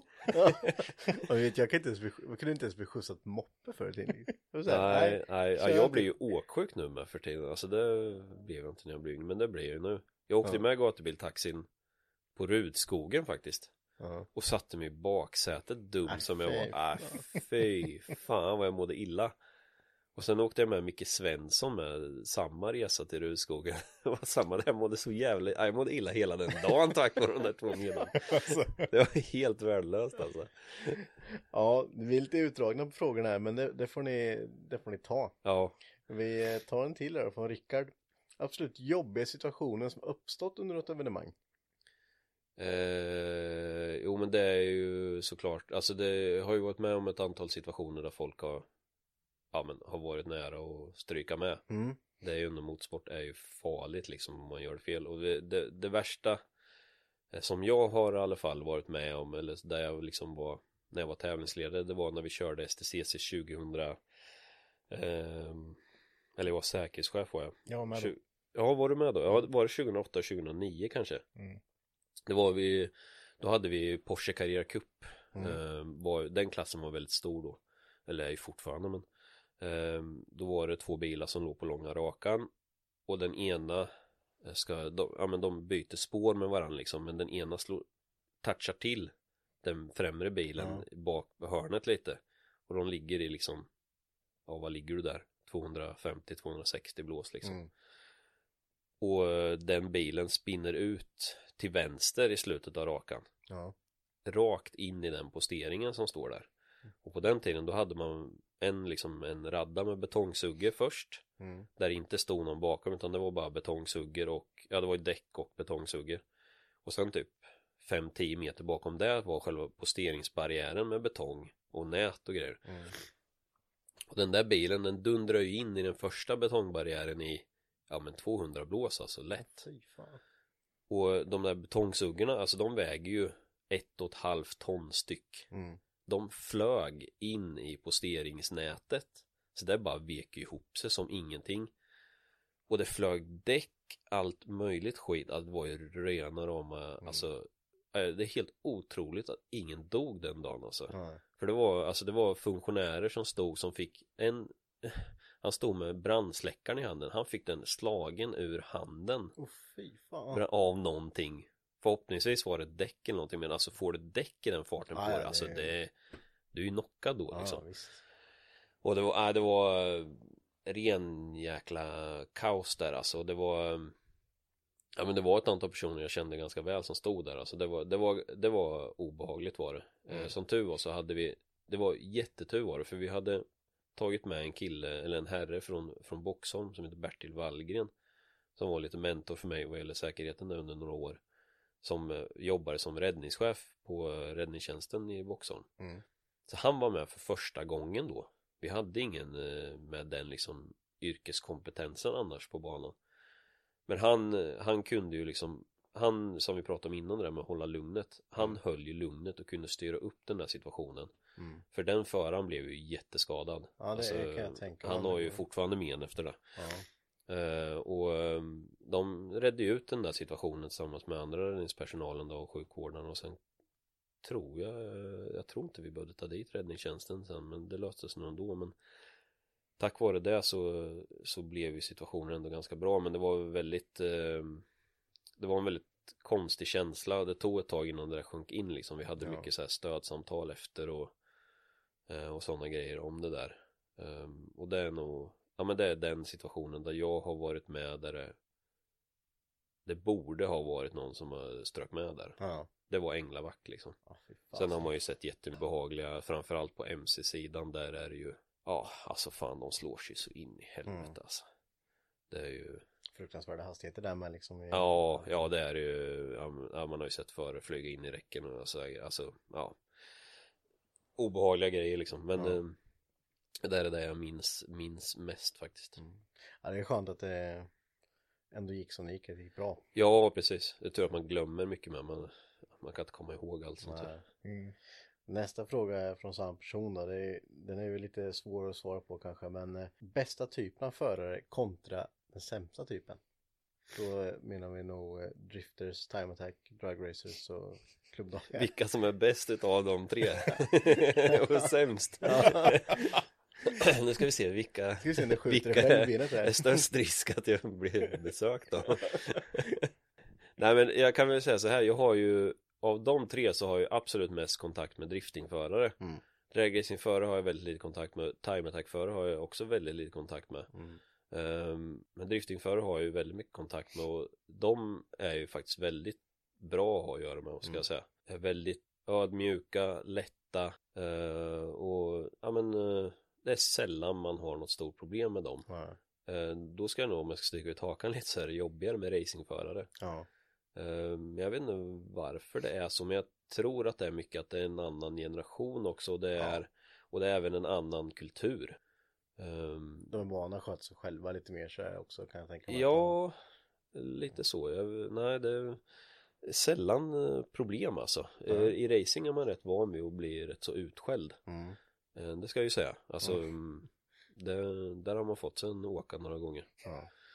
Det är väl nästan varje tävling där någon förare som springer upp i NGK-tornet och ska bara vrida halsen av eh, Max först. Ja, ja, ja men så är det ju. Alltså de är ju, ja men de är, kan ju vara fly förbannade Ja. alltså. Och det, mm, det är ju många gånger som vi får be dem att, att vända i dörren och liksom, nu får ni gå ut och lugna ner er en Ja. stund. Ehm, vi är ju vana vid att ta det, det ska man ju egentligen inte, alltså man bygger ju upp en tolerans liksom. Ja. Men eh, sen säger jag inte att alla racingförare är dåliga människor. men de har mer adrenalin när de kommer upp. Jag, men eh, jag vet inte riktigt varför. Jag, jag, det kan ha att göra med också att i drifting så utsätts man inte för de situationerna på samma sätt. För det är ju en Drifting är bedömningssport och det är så tydligt med att bedömningen Mm. Alltså hur, hur du bedöms att du kör det som är liksom det väsentliga Det kan du inte protestera mot, det spelar ingen roll hur förbannad du är Så liksom, du kan inte Det spelar ingen roll hur mycket du gnäller Det går inte att ändra det beslutet Nej. Men i racing är det ändå så att kommer du upp och är riktigt jävla förbannad Då är det ju där eh, är det ju ofta att man kanske tar ett beslut efter racet Ja. och det kan man ju göra på grund av att någon Alltså inte på grund av att den är förbannad Men det kanske gör att man får upp ögonen för en situation som man inte visste om Nej, precis. Eh, Så de racingförarna vet ju att det, det lönar sig att vara förbannade Ja. Sen är det ju, alltså det man inte accepterar det är ju när de är förbannade fortfarande efter liksom Ja men dagen efter Ja, Ja, nej, det är ju bara långsiktigt. men liksom det, sånt är ju inte okej liksom Men nej men överlag så tycker jag det, det är faktiskt rätt bra med förare de är ju Förare, de är ju människor de är Ja, ja, liksom det, Mm, Ja men så är det ju inom, inom all motorsport och egentligen allt som Ja, där alla all, all utövar sport egentligen. skulle jag säga Ja men där, alla, där man utövar någonting man, man brinner för och man tycker Ja. är kul. Mm. Då, det, det är ju, det finns ju mycket, alltså alla är ju glada när de gör det för att de vill ju göra Ja, det. ja. Precis Det är Ja, klart men så man är det. blir sur om det... Jo visst. Ja. Nej jag tycker men, det eh, nej, men jag brukar säga att man, alltså är, det- är det ingen som är sur då har det inte varit en bra tävling Nej. För då är det ju inget liksom då är det ingen fight. Nej, då har det Nej. inte fightats Nej. någonstans. Inte blodallvar. Ja, nej, skitbra svar där. Eh, vi tar nästa. Från Carl Mikael. Eh, berätta vad du tänkte när killen körde in i väggen på påsksladden och vad hände sen? Ja, det var förra året. ja, det var förra året. Ja, precis. På äh, däckbrännet Mm. efter där. jag har sett någon film på det där tror jag. Ja, när, du går fram och bara viftar Ja. som fan. Han Ja. fortsätter ju Ja, bara nu. fortsätt. Jag ser lite, jag ser lite bestämd ut där. Mm. Det känner jag. Ja, men jag var väl bara allmänt trött där och stått och eh, liksom genomfört själva påsksladden tävlingen var allmänt trött, frös. Ja, och så, här, så är det någon som ska så här. Ja men i det fallet så kommer jag ihåg att han trodde väl kanske att han var lite bättre på det han gjorde än vad han var. Ja. och han skulle gärna ha lite fart när han gjorde det också. Eh, och det gick ju inte riktigt så bra. Så, så då var jag väl rätt lack. Eh, det måste jag ju säga. Men det där är ju den alltså vi har, vi har haft en ikörning som är värre än den där faktiskt. Jaha. Eh, nu måste jag outa ett namn där, men Henrik Åkesson som är en eh, rutinerad driftingförare. Mm. han körde ju rätt in i den väggen eller en av portarna på påsladden ett år. Då stod jag precis vid väggen och de där portarna de hänger ju uppkant liksom. De går ju på en sån här skena bara. Ja. så när han åker in i dem alltså då är ju halva bilen är ju inne i väggen då där jag står liksom och kollar igen så jag tänker alltså fy fan det här gick ju åt helvete nu. Det här blir inte roligt att förklara för Elmia här men då hade han ju prickat porten precis och det var ju bara porten som hade flexat in liksom. Och sen bara åkte ju den ut igen. Så det Jaha. blev ju ingenting. Fy Kenneth fan. Alm stod tydligen innanför med sin bil för han var med på showerna. Så han hade stått precis innanför så han var lite nervös tror jag. Men ja. Ja, jag kommer ihåg när han eh, öppnade upp väggen där. Man står och så hörde man. Det var ju, det måste ju varit några av de sista där. Ja det var det ju Ja, Precis. såklart. Ja man vill ju bara hem då Ja, liksom det var då det började det bli lite kyligt. Så hör man bara rasch. Bara, Precis. nej. Jag har för mig att det var ganska ny vägg också Jag tror de hade fixat till den eh, Mm. sen året Ja. innan typ Men den är ny nu igen. Ja, Ja. vad bra. Då är det ju bara, då får den vara hel ett år i alla fall. Precis Eh, nästa fråga. Hur ligger det till med ombyggnation av strippen för att få köra de snabbaste klasserna? Ja Det har väl inte hänt så mycket där nu egentligen Vi, vi får ju köra de snabbaste klasserna som det är nu Mm. Eh, så vi har väl egentligen inte haft någon anledning att ta tag i det just nu och sen är det mycket, vi är i en, i en process på Mantorp där vi håller på och gör våran ansökan för vårat miljötillstånd som vi sen Mm. kommer ha under många år. Ehm, och det, den har väldigt mycket med att göra med vad vi vågar liksom göra. Vad man kan lägga krutet på. Ja liksom, men för att precis, för det är, ju, liksom. det är ju en stor grej att bygga en ny stripp. Ja, ja visst. Det är det ju. Det är ju inget, ja, det är, handlar om mycket pengar liksom. Mm. Jag Så- tror det med frågan han vi, vi får ju köra alla eh, Ja. snabba klasser egentligen upp till 201 meter om man ska vara lite Ja, vi får ju specifik. även köra, vi får ju köra de snabbaste klasserna även, alltså vi får ju köra toppfuel till exempel. Ja men 201 meter va? Eller Nej, 300? jag tror vi får köra dem på, eh, på 300. den längden som de kör, de kör ju 300 och någonting. Mm. Eh, vad jag har förstått så, så får vi det. Okej, ja, nu låter vi lite ovetandes. Men att däremot är får vi nog inte, vi får nog inte köra EM. Nej. Och det där är lite, ja det är lite luddigt det där. Precis, vi har, det finns ju en, eh, en hastighet man får köra så under vissa klasser och så. Eh, Ja, nu är vi inte insatta så jättemycket i dragracing men hade, hade Sporre varit här hade han eh, Ja men precis, Stefan Sporre som har hand om mycket om dragracing åt Mm. oss eh, har stenkoll på det där men jag vet även att har, där har ju utvecklingen gått väldigt mycket framåt med de snabba bilarna, de har ju system som gör att de liksom slår av bilarna per automatik när de går över mållinjen och sådana grejer liksom så Jaha, ja. det är ju en viss skillnad mot för x antal år sedan då Ja. hade man ju inte riktigt den säkerheten heller ja, det utvecklas lite. ja, det gör det. Ja. Eh, nästa fråga, det är egentligen lite det vi har gått igenom, men jag kan läsa upp den i vilket fall som helst. Vilket är det bästa evenemanget som du var del av? Varför? Vilka inslag stack ut? Och extra stolt över något rörande det evenemanget? Ja, jag måste ju säga att jag tycker att gatubil är det, är det bästa Mm. Jag tycker faktiskt att det blev väldigt bra eh, 2019 Ja. Ehm, Det är många som säger att gatubil var som bäst 2014 Men jag håller faktiskt inte med där Nej. Eh, Jag tycker det har, eh, har utvecklats hela tiden och det Ja det var ju säkert bäst för, för ja Vissa var ju säkert bäst 2014 Men jag tror generellt som, som event så var eh, 2019 väldigt bra Vi, vi hade väldigt mycket bra inslag tycker jag tillsammans med många av våra samarbetspartner. Vi hade ju Arn med till exempel som gjorde Showgarden Mm. då första gången. Som jag tycker blev jättebra. Ja, jättebra. Jag hade ju min bil nere och det var ju liksom, det var ju samlat på ett ställe. De som ville kolla på utställningen kunde ju gå ner där. Då, då var det bara utställning där nere. Precis. Då hade man allt samlat på ett ställe liksom. Och sen så gjorde vi ju den eh, tillsammans med Arne paraden på kvällen. Exakt, Ja, exakt. var ju- Och det var ju en spontan Mm. grej ska jag ju säga. Alltså den Jag åkte ner och snackade med Arn på Ja men på eftermiddagen där typ på lördagen. Bara, fan vi funderar på om vi ska göra en parad. Kan ni kolla om ni löser det? Men vi behöver ju få ihop i alla fall en 30 bil annars känns det Ja. bara pinsamt att skicka ut någon liksom. Mm. Ja, bara, ja, vi vi, prat, vi, du och jag stod och pratade lite i depån om att vi skulle göra någonting mer för, mm, för utställarna för att de Precis. ska få synas lite och det blir liksom, vi gör en rolig grej. Och då så kollar vi egentligen bara lite i tidsschemat, ja fan, vi har ju tid här emellan. precis, där har vi en lucka liksom precis innan Brejsladden och, och när alla ändå sitter på läck liksom. Precis. Nej och sen när vi väl skulle göra den Alltså det var ju typ varenda jäkla bil på Showgarden var ju med i paraden. Så det var ju för fan kö hela Parisen runt liksom. Nej det var ju så jäkla mäktigt. Eh, Nej den blev, det blev sjukt roligt Jag tror de som åkte den paraden måste ju tyckt det var skitroligt med. Ja, jag åkte den paraden. Inför Eh. fulla läktare liksom och Ja, absolut. Det var ju, det blir ju lite så här också att när man, det blir ju ändå när man kommer ut på banan, det är fullsmockat med folk som tittar, man blir lite så här, det känns ju bra liksom. Ja jo men precis, bra. jo men det är ju det man, vad fan, man har byggt den här jävla bilen i massor år förmodligen liksom Ja, och ändå få visa upp den och det är ju, ändå- det är ju bilar, de ska ju köras ja Mm. visst. Alltså de görs ju bäst i rörelse liksom Mm.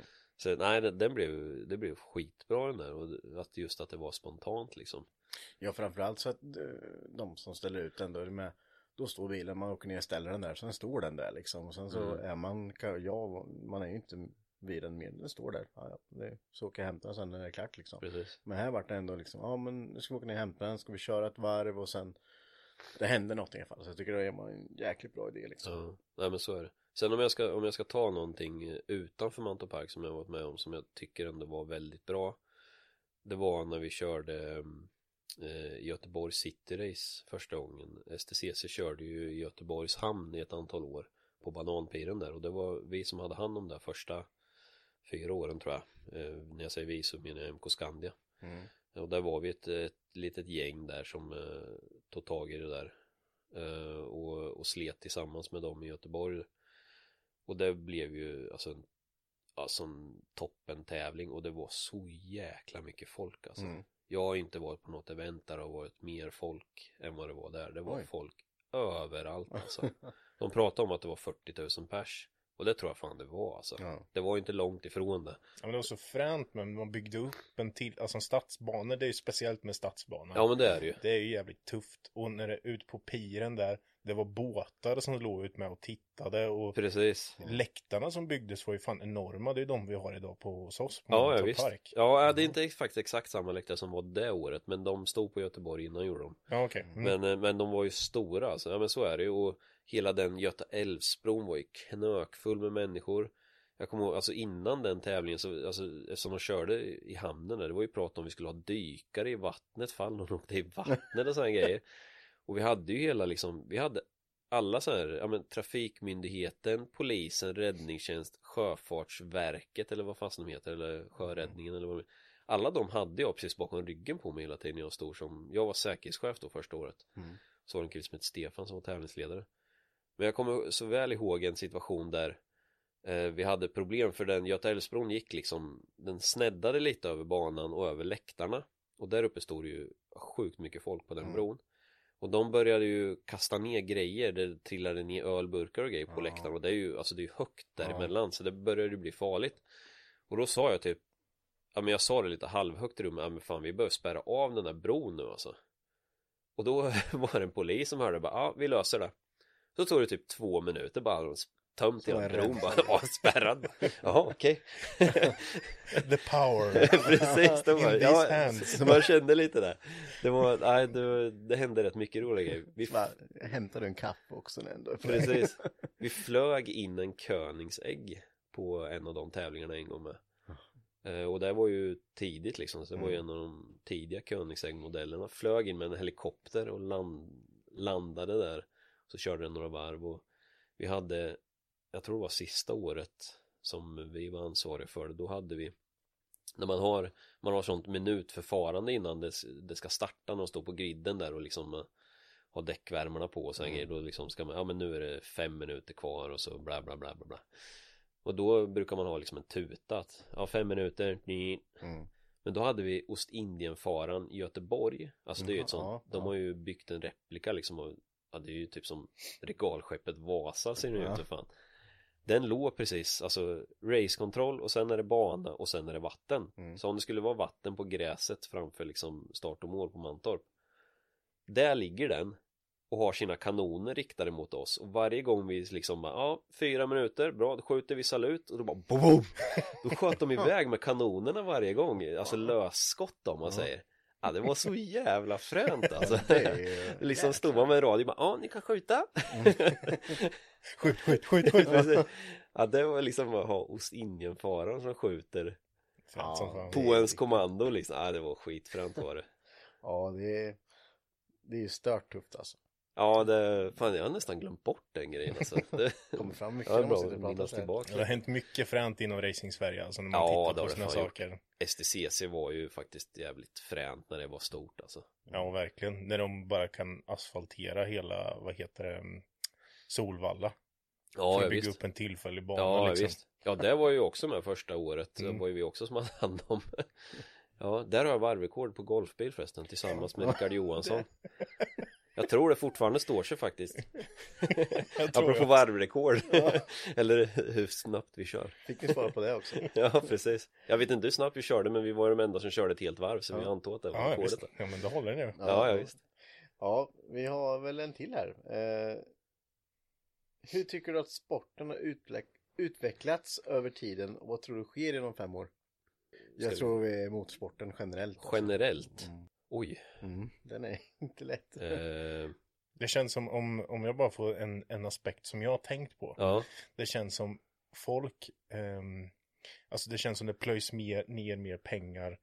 Eh, vad ska man säga, de, de stora teamen vet man ju kommer med stora racingbuss, trailers och mm. sådär.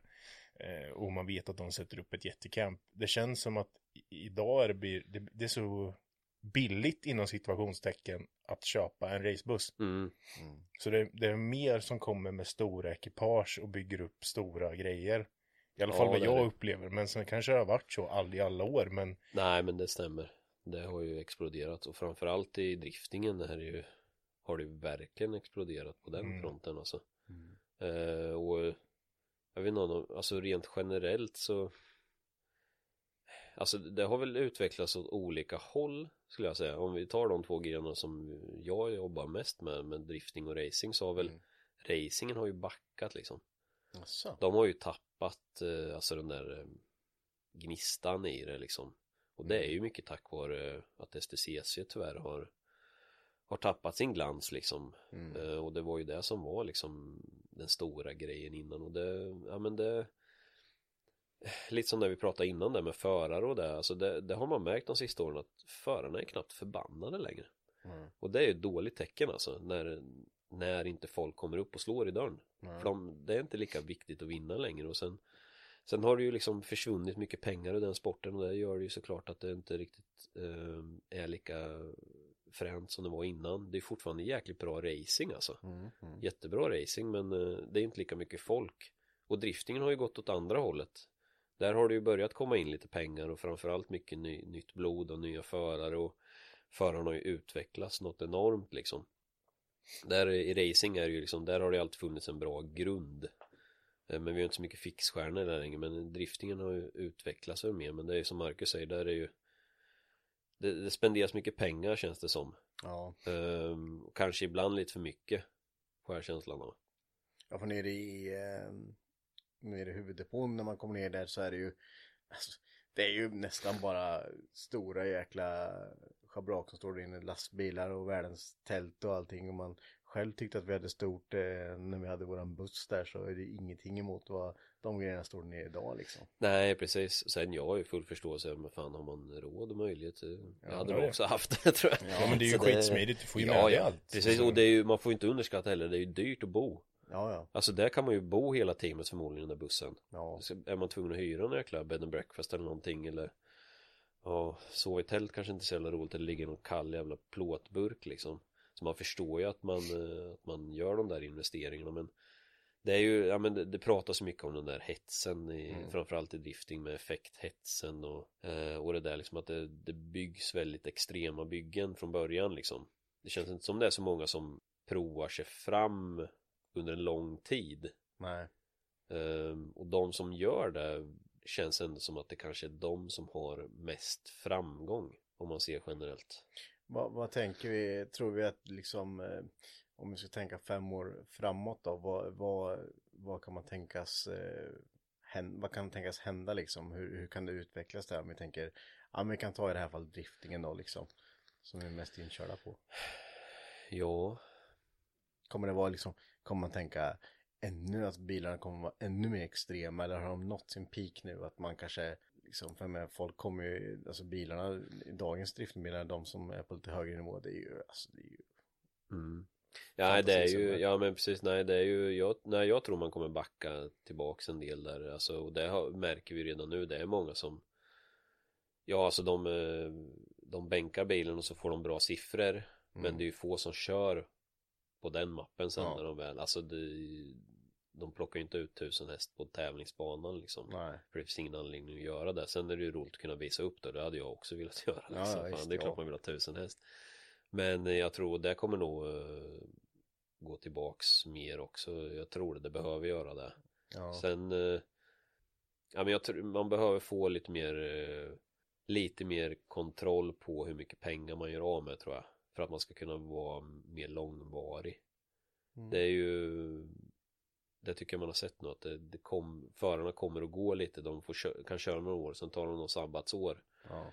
Ehm, och visst det kan vara olika anledningar men det känns ändå som att det ofta har att göra med att det är Alltså det blir jävligt tajt i budgeten och det är ju inte så jävla konstigt liksom Nej. eh, Att det är så så att eh, jag, jag hoppas att det blir lite mer, eh, mer sansat så Jag tror det är bra för alla Sen får vi hoppas att det kommer in mer pengar i, i driftingen om vi ska prata om det Mm. Ehm, Men jag menar de tiderna vi har nu Jag tror vi Vi har nog ingen högkonjunktur att se fram emot här nu några år Nej. Det kanske blir ut och holka i sin eh, 940 LT där. Ja precis, nej sen alltså det, det går ju att köra, bara, bara grejerna håller så blir det ju Ja. inte så jävla dyrt ja, Jo, det är klart som fan det blir dyrt Det är ju fortfarande mycket som ska göras Ja, men alltså det... är ju det- när det går sönder det blir riktigt jävla dyrt Ja. Eh, Fast det var ju lite så här, vi snackade med, um, vi hade, det var ju på någon SBF-kurs som jag var med på. Och då var det ju några som har gått från, de har kört karting, alltså go-kart, Ja. och går över till att köra drifting. Då är det billigt Och han säger att drifting är ju svinbilligt om Ja. du jämför med go-kart.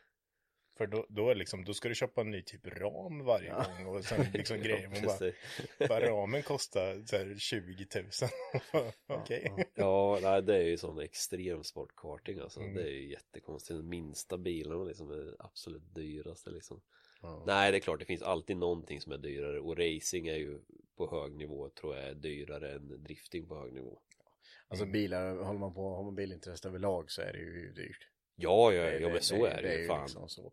Eh, Det behöver man ju inte tävla för att det ska vara Nej, dyrt nej, nej, det behöver man verkligen inte.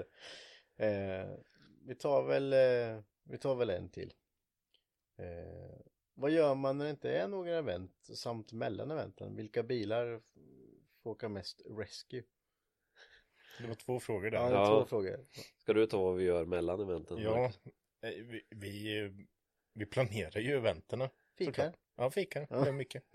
Precis Eh, nej, men... eh, Ja, vi får ju med alla- lite jobb mellan fikapausen Ja, precis.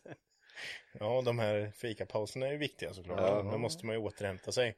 Ehm, och sen så eh, återhämtning är ju viktigt som sagt. Man lägger ju ner sjuka timmar under evenemangen. Mm. Och då, då ska man ju försöka ta igen dem någonstans. Ehm, för, och evenemangen är ju oftast på helger. Mm. Ehm, Men alla event ska ju planeras på sitt sätt. Mm. Och det tar ju tid att planera upp ett evenemang. Ehm, Det gör vi ju mycket på vinterhalvåret. Men vissa saker kan man ju inte göra förrän om en veckan innan eventet ska vara. Ja. Ehm, Men det är ju inte bara det. Som sagt, eh, som jag sa lite tidigare, vi genomför ju kurser. Eh, Vi sitter ju och hittar på eller hitta på, men funderar ut kurser också. Alltså som folk ska genomföra liksom. Och Mm. vad, vad, vad vill folk gå för kurser och vad, vad, hur vill man utvecklas liksom? Vad ska vi ha för någonting? Ja, alla trackdays vi gör. Alla som track vi days. själva har hand om. Som Precis. vi genomför. Track Monday, Test Tuesday. Precis. Eh, olika typer av tester och sådär. Så vi, eh, Det finns att göra. vi, vi jobbar Ja. inte 100%. Vi, vi jobbar 200%. Ja, precis. Ja. På, ja, under vintern brukar vi gå ner på 100%. Ja, precis. Exakt. Men nu, så lugnt som vi har det nu, det, här, nej, det, Nej, det känns jättekonstigt. men det hade vi ju inte haft om det inte hade varit på grund av det Ja, nej, nej, nej. Men eh, då hade vi ju varit, om vi hade varit nu så hade vi närmat oss Bimmers. Ja, Mm. Ja. då hade vi förmodligen varit rätt sletna redan nu. man. Efter eh, påskhelgen, efter Dots, efter vårracet. Vårracet. Som hade varit rätt intensiva. Ja, och sen så är det ju Bimmers, hade ju Bimmers varit, och sen så liksom någon vecka efter det här Bagrun, någon vecka efter det här gatubil. precis. Ja, det är ganska stora event som kommer eh, på varandra liksom. Så, så vi hade ju haft gatubilstress redan nu, kan man Mm. ju säga. Ja, då ska jag försöka ta den frågan som jag råkar rabbla in och blanda ihop här. Men eh, vilka bilar får åka mest rescue då? Är det drifting eller time attack? Jag kan nästan gissa vilken det är. Ja, men det måste ju ändå vara drifting va? Ja, Det tror jag. det känns som det. Ja, Ja, ja men det tror jag. Ja. De som åker absolut minst rescue måste ju ändå vara alfa va? Men det är för de aldrig kommer ut på banan. Men det där har vi ju kommit fram till när vi snackade med Tim som är vår alfa-entusiast. Eh, Där bygger man ju en fixtur i alfaverkstan efter dragkroken. Ja, precis. Så dragkroken är det ju Eller första man dragöglan, sätter. ja. Dragöglan. Ja. Så dragöglan sätter man ju dit först, sen bygger man ju bilen. Bilen runt den. Så man vet att det ändå är bra. liksom. Ja, finns där. Bra inom Ja, citationstecken. Det är så alfa-bra. Här Sitter den kvar så.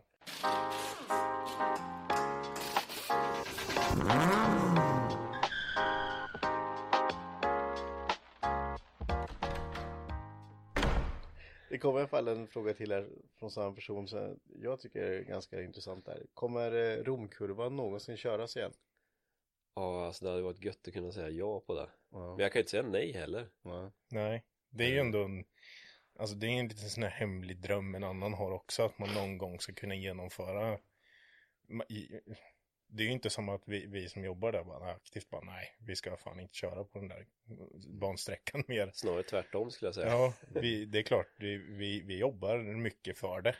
Men det är jättemycket jobb för att göra det. Vad är det som gör att man inte, att man inte får köra eller kö- köra? Eh, ja, det, är- alltså, man, man slutade ju köra där eh, slutet 70, början 80-talet. Det var ju Det när, är så länge sedan? ja, ja, det var ju när Oj. Formel 2 skulle köra på Mantorp sin andra omgång om man säger. De körde ju i början på eh, ja, de började ju köra eh, 70-talet där tror jag, körde de en omgång med Formel 2 Europamästerskapet då. Men sen skulle de komma igen eh, i början på 80-talet och då då insåg man ju att det går ju så in i helskotta snabbt ner i Romkurvan där för då kommer du ju liksom över krönet sen Mm. håller du ju fullt hela vägen ner och sen går det ju nerför rejält alltså Mm. man, Mm. det tänker man inte på men det är rätt rejäl nedförsbacke där så du har ju tydligen vad jag har hört så har du högre hastighet när du kommer ner till bromspunkten i Romkurvan än vad du har i slutet på strippen Oj. Ja. och då innebär det att då behöver vi ha en jäkla avåkningszon rakt fram där och det innebär ju typ att vi behöver ha av- avåkningszon nästan en hela vägen ut till 206 vägen som går där ute. Ja. Och där har vi parkering nu. Ja. Och sen även när du går igenom Romkurvan och är på väg ut ur den eh, mot så att säga huvudentrén till. Där är det en stor bergsknalle nu. Mm. Och där bör man också ha ganska mycket avåkningszon för det är ju en snabb kurva så du kommer ju ha hög utgångshastighet där ur kurvan. Ja, Så det. där behöver man ju spränga bort det. Så det är ju, och så behöver du ha räcke runt hela och grejer. Så det är ju det är en stor investering. Och sen blir ju banan, alltså banan blir ju, den blir ju väldigt snabb. Men jag vet inte om den blir roligare med romkurvan. Nej, jag- jag, vet inte heller, men det är ändå när man har, alltså när man ser den, liksom, så känns det ändå som att det skulle ju vara kul att se drifting i den kurvan, eftersom den är så Ja, precis. Ja, jo men så är det ju. Vi, vi har ju testat eh, två gånger nu. Vi gjorde ju en, en eh, Gymkhana-film där med Henrik Isaksson för två år sedan var väl Mm. det. Då körde ju Henke där. Eh, och där gick ju satan fort. Man Ja. förstod på honom och vad man kan se på filmen så gick det väldigt fort också. Ja. Eh, och sen körde vi ju med, med Johan Andersson nu när vi spelade in eh, våran Jap Days-film. Mm. Och det såg ut att gå rätt fort där också alltså. Ja, det Det, det. det vet ju du för du satt ju i bilen då. Ja, precis, precis. Ja, men så var det ju. Ja, jag står bredvid med och kollar. Ja. Vi, Nej, så det, det hade, ja det hade ju varit fränt alltså. Det hade varit jättefränt. Det finns ju mycket, mycket som hade varit eh, riktigt coolt att, Mm. att genomföra och det är ju det är ju ändå där man, eh, man brinner lite för att genomföra fräna grejer. Så är det ju. Ja, ja, och det är ju en av grejerna som är fräna. Mm. Men den är ju ändå, se. den är ju jäkligt fräsch ändå liksom. Den är väl underhållen hela tiden. Alltså den är ju helt nyasfalterad. Ja. Vi asfalterade om den för ett antal år sedan. Så det är Mm. ju ny fin asfalt på den. Ja. Sådär, så att det, nej det är avåkningszonerna som är Ja. kruxet liksom. Eh, för nu landar man ju i träden om man åker av. Ja, det, det är det. Eller i berg. Ja, precis. ja. Så att eh, nej det hade, det hade varit skitskoj. Vi får hoppas att vi kan eh, göra det någon gång. Ja, verkligen. Ja, då har vi fått lite, jag trodde verkligen inte att det var så länge sedan den eh, Det finns Stängdes. massor. Jo, Det finns man har faktiskt, man har ju kört, man eh, har ju kört baklänges på den en gång ska jag ju säga. mm. Eh, kan det ha varit 2013 kanske? Eh, det var Land Racing gjorde en, ett event där de körde banan, hela banan baklänges och då hade de med romkurvan. Ja, okej. Byggde en chikan i mitten både in och ut på raksträckorna har jag för mig. Jag var där och tittade. Ja, precis det var det nog ja. det stämmer. Ehm, eller fan det var, ja, jag, kom, nu, jag kan ha sagt fel årtal där men, eh, nej, men så då körde man ju, men då körde man åt fel håll. Mm. Det är väl enda gången det har körts, var, ja jag kommer inte ihåg om det var tävling eller vad det var men det var en typ av track day kanske. Ja, okej. Ja, det är intressant det där. Ska vi Eh, komma till eh, konstiga, roliga berättelser nu? Ja, jag tror det. Jag tror, för det är väl det mest, de, jag kan sammanfatta de sista frågorna som är kvar och det, Ja. det är ju roliga historier om gatubilar. Ja, ja, det, det, det är vad det är liksom. Det, finns, eh, det finns ett gäng. Ja, men eh, roliga grejer som har hänt under gatubil då. ja, var ska Var ska vi börja? Man? Eh, ja men en grej som kommer upp i huvudet ganska snabbt är när vi hade en, en besökare som Han gick runt med en död grävling i koppel Hela gatubil Okej. Ja, Han var besökare, bara han var där och söp eller? ja, ja, Mm. ja Men han hade med sig en död grävling och gick runt med den i koppel Jaha, en roadkill typ? eller? Ja, Måste ju luktat fan. ja det gjorde det förmodligen Vi tyckte inte det var sån här jätteschysst idé liksom så Nej, vi, när vi eh, upptäckte det sen så ja. Försökte vi få honom att, att sluta med det? Jag kommer inte ihåg exakt hur det slutade. Eh, men eh, ja. Grävlingen mådde inte så bra i alla fall. Det, det var, Han som var inga djur kom mer till skada än vad de var innan de kom in på Manta Park kan man väl säga. Ja, den var död innan kan Ja. vi tillägga. Men det var lite så här konstigt. Bara, men alltså varför har du med en grävling koppel som är död? Du måste ha hittat den på vägen typ. Ja, jo, men jag tror det var något sånt de hittade Ännu på värre, vägen. bara De jag tar med den hemifrån. Jag Ja. har den. Jag har den liggande så här. Ska jag ta med, slänga in den? Det var en riktigt bra idé när Ja. de fick där Ja, Men en konstig sak som måste ha hänt också eh, som du har varit med och upplevt som inte är så rolig. Mm. Det kan man väl säga, men som är en konstig sak. Det är ju han som sprängde av sig handen på gatubil. Ja, den var ju lite obehaglig faktiskt men var ju det, väldigt det var väl ganska ny, det var inte jättemånga år sedan. Nej, det är ett par år sedan Vi var ju där. Ja, vi var Som där. besökare Ja, då. eh, Ja, det är ett par, tre år sedan Mm. Ja, det var lite, det var olyckligt alltså Det har väl kanske inte så mycket med gatubil att göra i Nej, sig nej, men, verkligen inte. men, Men, det, det är ju eh, ändå en del. men det var, ja precis, det var, nej det var jävligt olyckligt så här, Riktigt dum fyllegrej, vilket det Mm. mesta av de här grejerna är ja.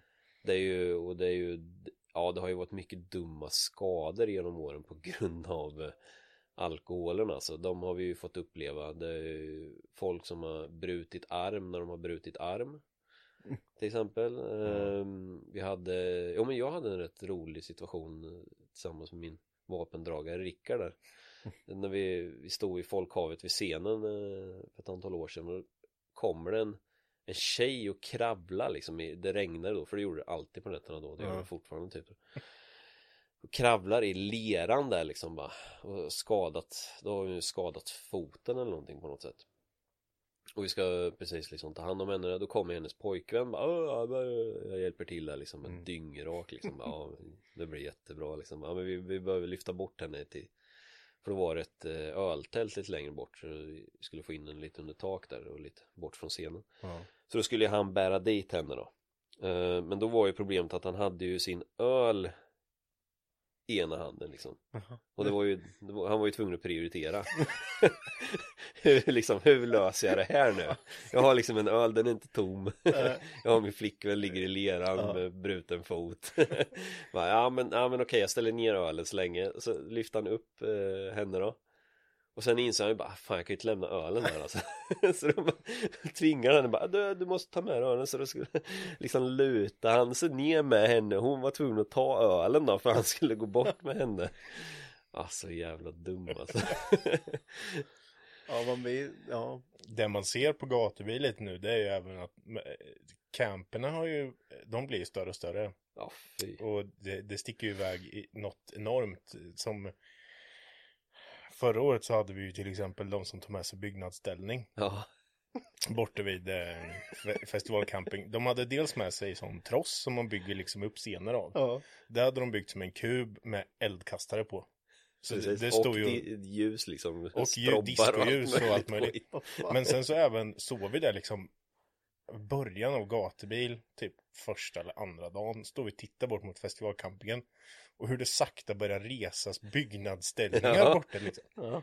Så vad fan är det där? Så åkte ni ju bort och tittade på det. De Jag tror det var upp- Rickard som åkte bort Rickard åkte bort. Då har kommit upp tre våningar med byggnadsställningar för de skulle bygga ett Ja, jävla torn. Och det var ju rätt rejält högt alltså. Ja, det, ja, det var Men det var ju, men tornet hade ju ett väldigt viktigt Ja. syfte. Ett extremt viktigt syfte. De hade ju eh, gjort en stor kuk i papier-maché. Alltså då menar vi stor alltså. Det Ja. var ju typ tre meter eller någonting och kanske diameter typ en meter eller Och de något. var ju rätt fyndiga med för de har ju lyckats få till så att den sprutade skum. Ja, Alltså det, Så den skulle stå längst upp på tornet för det var, det där liksom, det var gatubil för dem. ja. Men lite eldkastare Ja, då. eldkastare, de hade ju gått in stenhårt ja, ja, det var ju Rickard åkte ju bort och körde lite så här arbete på höga höjder regler för dem där liksom så här, Ja, alltså, det var- ja fasen, ja det scenbyggnationen de gjorde det var ju fan nästan mer än vad vi hade Nästan på, mer på stora scenen På fyllan med kan Ja, tänkas. ja, visst. Sen ser man ju Ja, ändå fan. roliga grejer som eh, de som byggde eller bytte motorerna borta vid eh, festivalcampingen också förra året. mm. De som hade åkt från Finland. Ja, precis Motorn rasade och så står de och bygger, byter motor liksom. Ja, ja det är ju mycket så Det har ju varit mycket Nu är det faktiskt rätt Vi har varit rätt förskonade för Men det var ju mycket bränder för Folk gillar ju elda allt möjligt jox Mm. Så där har vi haft en del eh, Vi hade Det kan nog varit 2013 kanske 2014 Hade vi en En redig brasa uppe i dragracingdepån Det var då när det var lite glesare där uppe Mm. Ja. Som vi pratade om innan Då eh, åkte jag och Rickard på våra fyrhjulingar så ser vi liksom bara "Åh, Helvete nu är det, nu brinner det bra där borta alltså. Där lågorna var rejält höga så vi åker bort där i full fart liksom Kommer bort och står det ju en snubbe med liksom tändvätskan och bara sprutar på det. Samtidigt har de ju tänt eld på något soffa och slängt på massa skit. Det brinner som fan. Så vi liksom, vi går, springer fram till honom och får honom att sluta och slänga bränsle på brasan. Och sen försöker vi släcka det och då kommer ju hans kompisar och de är ju ja de är lite sugna på mucka gräl kan man väl säga. Okej. så då blev det ett jävla liv där. Vi kallar på vakter vakterna kommer och det blir ja fy fan då blev det en redig turbulens där. Så skulle vi försöka släcka den här elden samtidigt som vi skulle försöka liksom mota bort folk som ville slåss och det var ja det var ja men det slutade i alla fall med någon eh, jag tror det blev en sväng till rättegång där för för några av dem där den Ja. gången. Det var lite, ja det var lite tråkigt. Sen hade vi en En lite konstig incident med en Merca En AMG Merca på i Romkurvan. Det var nog i september tror jag. Jaha. det, Kan det ha varit 2015, 2016 kanske. Det var en kille som Sent på kvällen gick och Ja också full såklart. Eh, Och det var ju lite kallare då som det var september. Så han Ja. gick och satte sig i bilen och skulle dra igång och få upp lite värme i den. Bara att det tar ju en stund liksom. Så han, han satte ju full gas liksom där bara Mm. plattan i mattan Sen slocknade ju han Nej. Och satt och höll plattan i mattan där i Förmodligen bra jävla länge Ja. För sen eh, då kom det Vi åkte där, vi patrullerade ju runt då liksom Då kom det några, jag för mig att det kom några sprang och liksom ah, ni, fan ni måste komma här, det, det brinner där nere Så åkte vi ner och då eh, rökte jag om den där bilen och han satt, jag tror han satt kvar och eller om de precis hade dragit ut honom då. Eh, Men han, jag tror han fick i sig en del rök där men i alla fall vi fick ut honom och sen skulle vi börja försöka släcka den där bilen. Mm. Och alltså han hade ju stått på fullvarv med den där jäkla bilen så länge. Så när vi började släcka, alltså det rann, det droppade alltså metall under bilen ifrån växellådan någonstans. Jag vet inte vad det var för någon. Alltså men det var så jävla varmt Så vi, alltså vi höll ju på där skitlänge Och det, alltså massa jävla giftiga gaser och skit Så vi fick ju ta på oss skyddsmasker vi hade. Ja. Som tur var var ju Rickard då som vi pratade om innan med han är, han är ju brandman så han har ju, har ju lite mer koll på de där grejerna. Men vi kämpade med det där bra länge och vi, alltså vi tömde typ hela Allting vi hade. Mm. Släckare, liksom vattentankar. Och vi kände liksom, ah, det här, jag tror inte vi löser det här den här gången alltså. Så vi, då ringde ju faktiskt räddningstjänsten liksom, ah, det är nog bäst att ni kommer Men då, precis när räddningstjänsten åkte in genom grinden, då hade vi fått koll på det alltså, Men Ja. den var så jäkla varm den här bilen och vi fick ju ja, vi fick ju bända sönder den för att komma åt liksom och släcka överallt in i kardantunneln och det brann ju överallt liksom, eller liksom, det var så jäkla varmt så det bara tog sig hela tiden Så det var, det var en liten konstig situation, det var jävla tur att de såg att han Ja, satt i den här visst. bilen, han, hade- han hade ju dött av Ja. liksom, han hade ju Gaser, Han alltså. sov ju så han hade ju inte ens vaknat upp liksom Nej. Så han hade ju en jäkla tur där Och det här var, det var inte jättelänge sedan heller liksom. Nej, det var, nej men säg fyra år sedan kanske Ja. Ehm, ja, nej, det, var, det var lite, lite olustig lustig, eh, situation. Kan ha hänt mer? Ja, det har ju hänt enormt mycket alltså. Det var väl någon som, var det förra året det var, Ja, nu, ja förra året var det, då hade vi ju bajsincidenten. Bajsincident. Men den var inte jag med om. Jag fick ju den återberättad för mig av, av Rickard. Rickard är den som jobbar mest på nätterna. Han kör ju hela nätterna oftast liksom. Och vi har även haft eh, Padde och eh, från, eh, från vårt moderbolag som har kommit upp och hjälpt oss ett antal nätter. och Rondera lite. För det är rätt viktigt att vi liksom har en bra, vi vill ha en bra dialog med alla som som är på området, vi vet ju att de är där för de vill ha det roligt liksom. Men sen får det ju gå till en viss gräns liksom. Mm. Men då hade ju, då hade ju Rickard kommit på en kille som satt på vindrutan på en bil med byxorna nere och skulle skita. Jävla bright idéer alltså. Ja, han fick ju riktigt sån Han fick även det. ett klippt band. Ja, precis vad Va- han fick. Varför, vadå? Varför tror du att jag skulle göra det för? Men- Han har ju, han har ju sagt till Rickard typ, ja men ser jag ut som någon som skulle skita på en bil? Ja. Bara, ja men uppenbarligen. Ja, det, Ja, vi, det- vi, vi trodde inte vi skulle få ett ansikte på den typen men nu har vi det Ja, det är stört. Det här verkar ha hänt rätt mycket där som man kan hålla på länge som helst.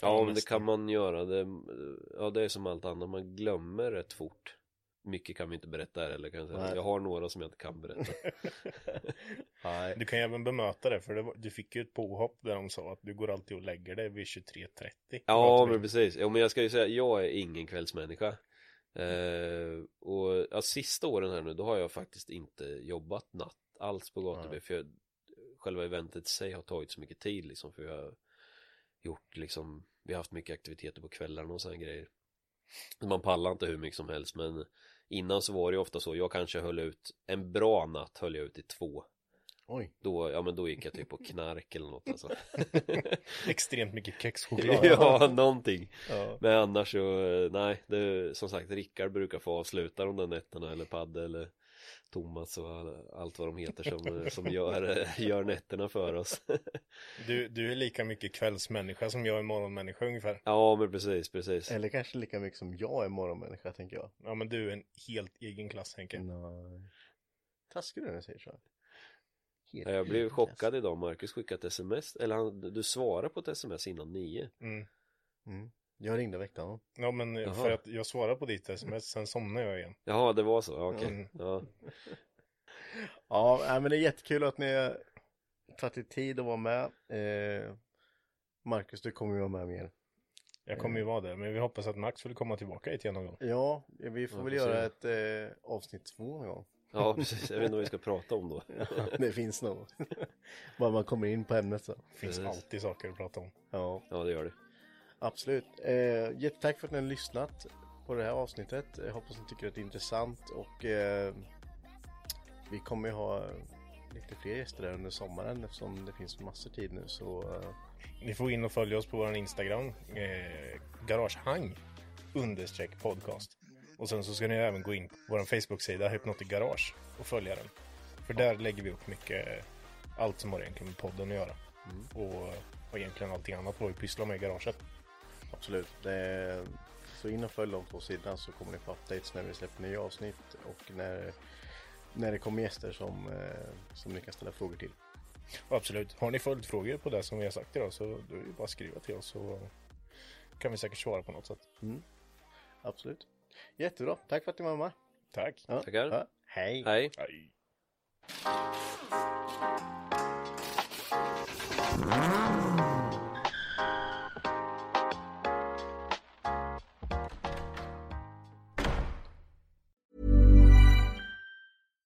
Hi, I'm Daniel, founder of Pretty Litter. Cats and cat owners deserve better than any old fashioned litter. That's why I teamed up with scientists and veterinarians to create Pretty Litter. Its innovative crystal formula has superior odor control and weighs up to 80% less than clay litter. Pretty Litter even monitors health by changing colors to help detect early signs of potential illness. It's the world's smartest kitty litter. Go to prettylitter.com and use code ACAST for 20% off your first order and a free cat toy. Terms and conditions apply. See site for details. Hi, I'm Daniel, founder of Pretty Litter. Did you know cats tend to hide symptoms of sickness and pain? I learned this the hard way after losing my cat, Gingy. So I created Pretty Litter, a health monitoring litter that helps detect early signs of illness by changing colors, saving you money and potentially your cat's life. Pretty Litter is veterinarian developed, and it's the easiest way to keep tabs on your fur baby's health right at home. Go to prettylitter.com and use code ACAST for 20% off your first order and a free cat toy. Terms and conditions apply. See site for details. Even when we're on a budget, we still deserve nice things. Quince is a place to scoop up stunning high-end goods for 50 to 80% less than similar brands. They have buttery soft cashmere sweaters starting at $50, luxurious Italian leather bags, and so much more. Plus, Quince only works with factories that use safe, ethical, and responsible manufacturing. Get the high-end goods you'll love without the high price tag with Quince. Go to quince.com slash style for free shipping and 365-day returns.